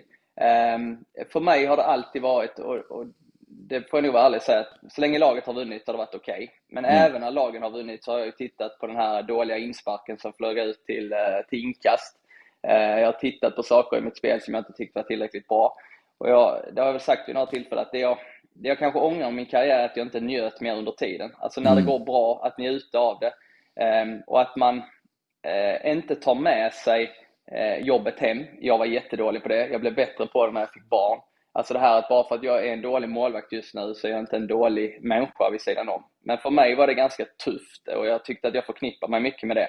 Och jag och Malcolm pratar med det, om detta också lite grann i reportaget, att man, man måste lära sig hantera det. Man måste kunna gå på ICA som en privatperson och känna att det är okej att handla den där maten. Men i mitt fall då när jag var lite yngre så gjorde jag inte de grejerna efter en dålig match. Jag tyckte att nej men då, då förtjänar jag mer att sitta hemma och fundera över vad, jag håller på med. Ehm, så jag tror att det handlar om lite hur man är som, som individ. Men man kan ju också gömma sig lite som året. Så länge laget vinner så kanske inte det här misstaget kostar så mycket och då klarar man sig. Och det är små marginaler mellan en bra säsong och en dålig säsong. För att de, de bra säsongerna så gör du också något misstag men det kostar ingenting. De dåliga säsongerna så kostar det här misstaget varje gång och så blir du kritiserad eh, och så tar det väldigt hårt. Ehm, och det mentala i, i allt man gör egentligen är ju en stor del, men inte minst som målvakt i fotboll. Och, ehm, det är tufft. Är stora misstag som målvakt gör, är det liksom överskattat i hur man ser på hur bra en målvakt är? Alltså finns det jättebra målvakter på världsnivån som gör onormalt mycket, tappar bollen mellan benen till exempel? Alltså vad sk- skulle du säga att folks bild av målvakter är lite vriden av den anledningen? Eh, nej, egentligen inte. Därför att det är ju så här att som målvakt i fotboll så kostar det mycket med ett misstag. Mm. Eh, och det är ju liksom baksidan av att vara målvakt. Och man, jag brukar säga att du kan ju egentligen göra liksom hur många räddningar som helst, men så länge inte det räddar det poänget från det misstaget du gjorde så spelar det inte så stor roll. Det är lite annorlunda i hockey. Du har 40 skott på dig på en match. Du kan släppa en billig puck och så räddar du allt annat och så vinner ni med 3-1. Men i fotboll så handlar det om att minimera misstagen. Det är ju Mm. bättre att göra de där enkla räddningarna gång på gång på gång och vara stabil. Och det där skottet i krysset får gärna gå in i så fall. Eh, Det är liksom min bild av den perfekta målvakten. Eh, Jag har sagt det några gånger, jag tycker att Johan Dahlin ofta är den målvakten som tar det han ska hela tiden. Han är stabil. Eh, kanske inte gör den där räddningen uppe i krysset. Men det gör inte så mycket. För man vet vad man får hela tiden. Så på det viset så är det lite annorlunda att vara fotbollsmålvakt. Men att misstagen syns, misstagen kostar och det är de man måste försöka tvätta bort. Jag tycker det är bra att du har kommit in i tv-rutan för jag tycker det har verkligen varit tydligt eh, i tv genom åren att det har saknats liksom en, en målvaktsexpertis. Att det har varit för lite målvaktsfokus i sändningen. Att liksom, man tar mer upp det vi ser i highlights-paket. Ja det där är en bra räddning eller det där är en jättetavla och inte liksom, det som händer mittemellan. Till exempel de här ja, men minimera, mis eller minimera misstagen eller göra det enkla. Uh, det tycker jag inte belyser, belyst tillräckligt mycket i, i tv uh, eh, sen du kom in då. Uh, har, tycker du också det att det kanske saknas lite målvaktsexpertis i, i tv-rutorna? Jag Nu är jag part i målet i det, så det är lätt att säga att jag har gjort det. men, eh, nej, men det kan väl vara bra oavsett roll. Jag menar, vi har ju Axén som en gammal tränare till exempel, som kan se det ur ett tränarperspektiv och jag som gammal målvakt. Och, och just det där som du är inne på, att, och det brukar jag ju eh, kriga lite med Axén om, att det finns ju ett mellanting mellan en tavla och, och Ja. boll som är ottagbar. Och han menar på att nej, men det finns antingen kan man ta den eller så är det en tavla. Nej, det finns faktiskt någonting där mittemellan också. Det kommer han aldrig förstå. Ehm, Så jag tror väl att jag kan se det lite mer ur ett målvaktsperspektiv. Sen gäller det också från min sida att, att kunna vara kritisk på samma sätt som jag ska förklara varför det sker. Ehm, Och, och det där är ju en, eh, en intressant balans för att jag ofta förstår jag ju varför eller jag förstår hur en målvakt tänker och kan förstå att det kan bli ett misstag samtidigt som jag måste förklara varför man ska göra något annat istället. Så att jag antar att jag kanske har ett öga för det som kanske då många inte andra har som att jag har hållit på med det under, under längre tid. Och det var väl därför jag kände att det var eh, skönt att få göra det här inslaget med Malmkom där han eh, verkligen öppnar sig och berättar hur det har varit. Eh, och då ska man ju komma ihåg att eh, Malcolm har egentligen gjort fyra säsonger som har varit riktigt bra. Det är inte många misstag eh, som han har gjort. Det har varit några nu på slutet och det kommer vi se i reportaget ikväll också. Eh, men, men ändå så har han mått som han har mått och därför är ju problemet väldigt stort och någonting vi bör lyfta. Nu är det en målvakt i detta fallet och det är kanske enklare för mig att träffa och prata med en sån. Någon annan gång kanske det är en tränare som har mått precis likadant eh, och då kanske det är enklare för Axén eh, att att prata om en sån grej. Eh, Men egen erfarenhet är ju viktig och då är det lättare att kunna sätta sig in i när saker och ting sker. Mm. Ja, verkligen viktigt ämne att beröra. Från eh, när kommer, man, när kommer inslaget sändas, vet du det? Ja, men vi sänder det ikväll. Vi ska ner, eller jag ska också ner till och göra Malmö BP ikväll. Vi har ju måndagar där vi har lite längre sändningar. Så att det kommer vara ett ganska långt reportage med, med Malcolm, en 9-10 minuter. Eh, Ett, eh, ja, och det ska han verkligen ha beröm för. Hur han, han, ja, men han var väldigt ärlig och öppen och berättade precis vad han tycker och tänker. Eh, Och det är ju, jag tror alla ska vara tacksamma för att han har gjort. Eh, Så ikväll eh, blir det det och sen blir det väl lite- diskussion kring och runt detta. Malmö BP ikväll klockan 18.30 börjar sändningen. Mm, det ska vi Härligt. inte missa och ja, du ska väl få Du ska väl ta ditt pack och resa ditåt antar jag? Alldeles snart. Ja men Malmö är en bra resa, det är ganska nära. Det är bra. men eh, absolut, vi ska ta oss ner dit. I regnet, för det regnar i Skåne just nu. Ja, vi ska kolla på det och eh, tack så mycket för att du tog dig tiden Per. Kör hårt ikväll. Ja, tack ska ni ha. Hand om dig. Ha det bra. Myggan, vi ska tacka dig. Tack. För vi har ett eh, kort, kort segment kvar faktiskt innan vi avrundar. Så vi ska byta plats på dig och eh, slänga in Otto. Som eh, är vår, eller som är redaktör för Fotbollsmorgon som gör att programmet ens existerar och rullar varje morgon. Men han är ju också redaktör för kanske ett av våra viktigaste segment, nämligen Sveriges sämsta förlorare. Nej, nej, nej, nej. Bästa. Bästa förlorare, vad sa jag? Så, sämsta? Sämsta. Ja, just det, snurrigt. I alla fall, välkommen hit. Tack. Du satt här, vid, senaste genomgången var det i torsdags. Torsdags. Ja, det var det. Mm. Och du har en liten då- uppföljning från Ja, helgen. nej, men det har hänt eh, en rolig grej i helgen. Eh, och senast vi kollade på tabellen. Det finns ingen tabell att kolla på nu, det Nej. orkade jag inte slänga ihop. Bra. Men då hade... Bra! Då hade det ju eh, två lag utslutits. Men det var ju på grund av VO.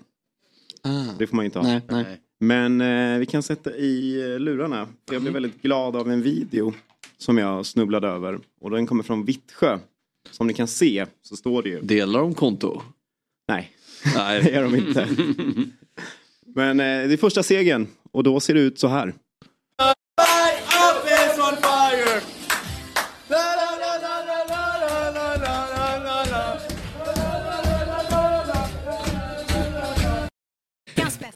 Jag gjorde mig glad. Ja. Eh, det var ingen som kunde den ramsan. Det är väl inte, det är inte så konstigt, de har ju aldrig vunnit. Ja. Jag vet inte. Det var första gången för mycket här tror jag. Men då, ja, jag tänker så här. Nu lägger vi ytterligare en växel. För att just nu så är jag Sveriges sämsta Swish-kampanjsmakare. Mm. Ja, och det är en applåd i sig. Men eh, jag, vi, det har trillat in några Swish. Men egentligen är det ju sista veckan nu för Sveriges bästa förlorare. Förtydliga vad pengarna ska gå till. Här, för det är Till vinnaren. De får pengar då? Ja, de får eh, till, en, till en liten fest. Ja, precis. Ja. Eller till tejp. Eller nya benskydd. Ja men vi kommer ju ha kommunikation med klubben som vinner såklart. Kommer ju gästa programmet och vi kommer prata om det. Vi kommer dela ut checken. I alla fall, eh, eller jag vet inte, vi har ju sagt att vi ska åka ner. Ja, det kanske det är. Vi Ja, ska men inte alla lova fall, den någonting. kommer delas ut antingen över internet eller eh, fysiskt, hur som helst i alla fall. Vi, vi, ska ju såklart dock följa upp hur, vad pengarna läggs på. Ja, så att, eh, Just nu är ju checken dyrare än budget. Ja, ja, precis. Så vi måste komma över där. För att just nu, Vittsjö har ju ingen chans att eh, få smaka på den här ch- checken. Som ligger på eh, ett och tre. Det är därför de inte var så glada. Precis. Var- Det var för- Men checken då? Dåligt med ekonomi. Det var en som var glad. Men då, då swishar man till 070 773 4597. Då blir det kul tycker jag. Ja. Eh, eller hur? Verkligen. Ni känns lite låga. Nej, jag försöker bara få ihop det. Det är rörigt det här bästa förlorare. Det, min Det ska vara inte, inte gjord för det här riktigt. Men jag är glad för, jag är glad för Vittsjös skull. Nej. Nej, Nej men det är exakt. synd. Ja. Det är väl lite rörigt det här. Ja. Men man blir glad av den där videon. Det blir jag. Ska vi kolla en gång till? Det tycker jag det vore bra med en repris.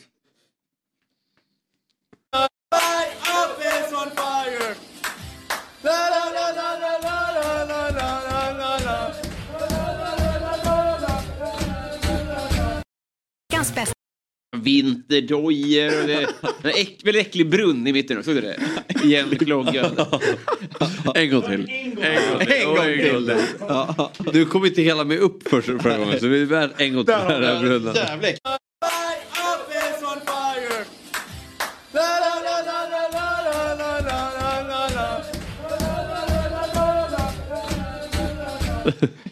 Vi fick De är så vana att förlora, så de vet- Vi har en, en match kvar eller någonting. Ja. Nu kör vi. Ja men fint, och kom Ja. ihåg att lägga liten upp switchen en gång till. Ja. Bra numret, bra numret en gång till. Ja. Eh, det är nytt nummer, gått igenom nummerbyte och sådär. Så att jag måste se det. 070 773 4597. Pengarna går direkt till vinnaren av Sveriges bästa förlorare.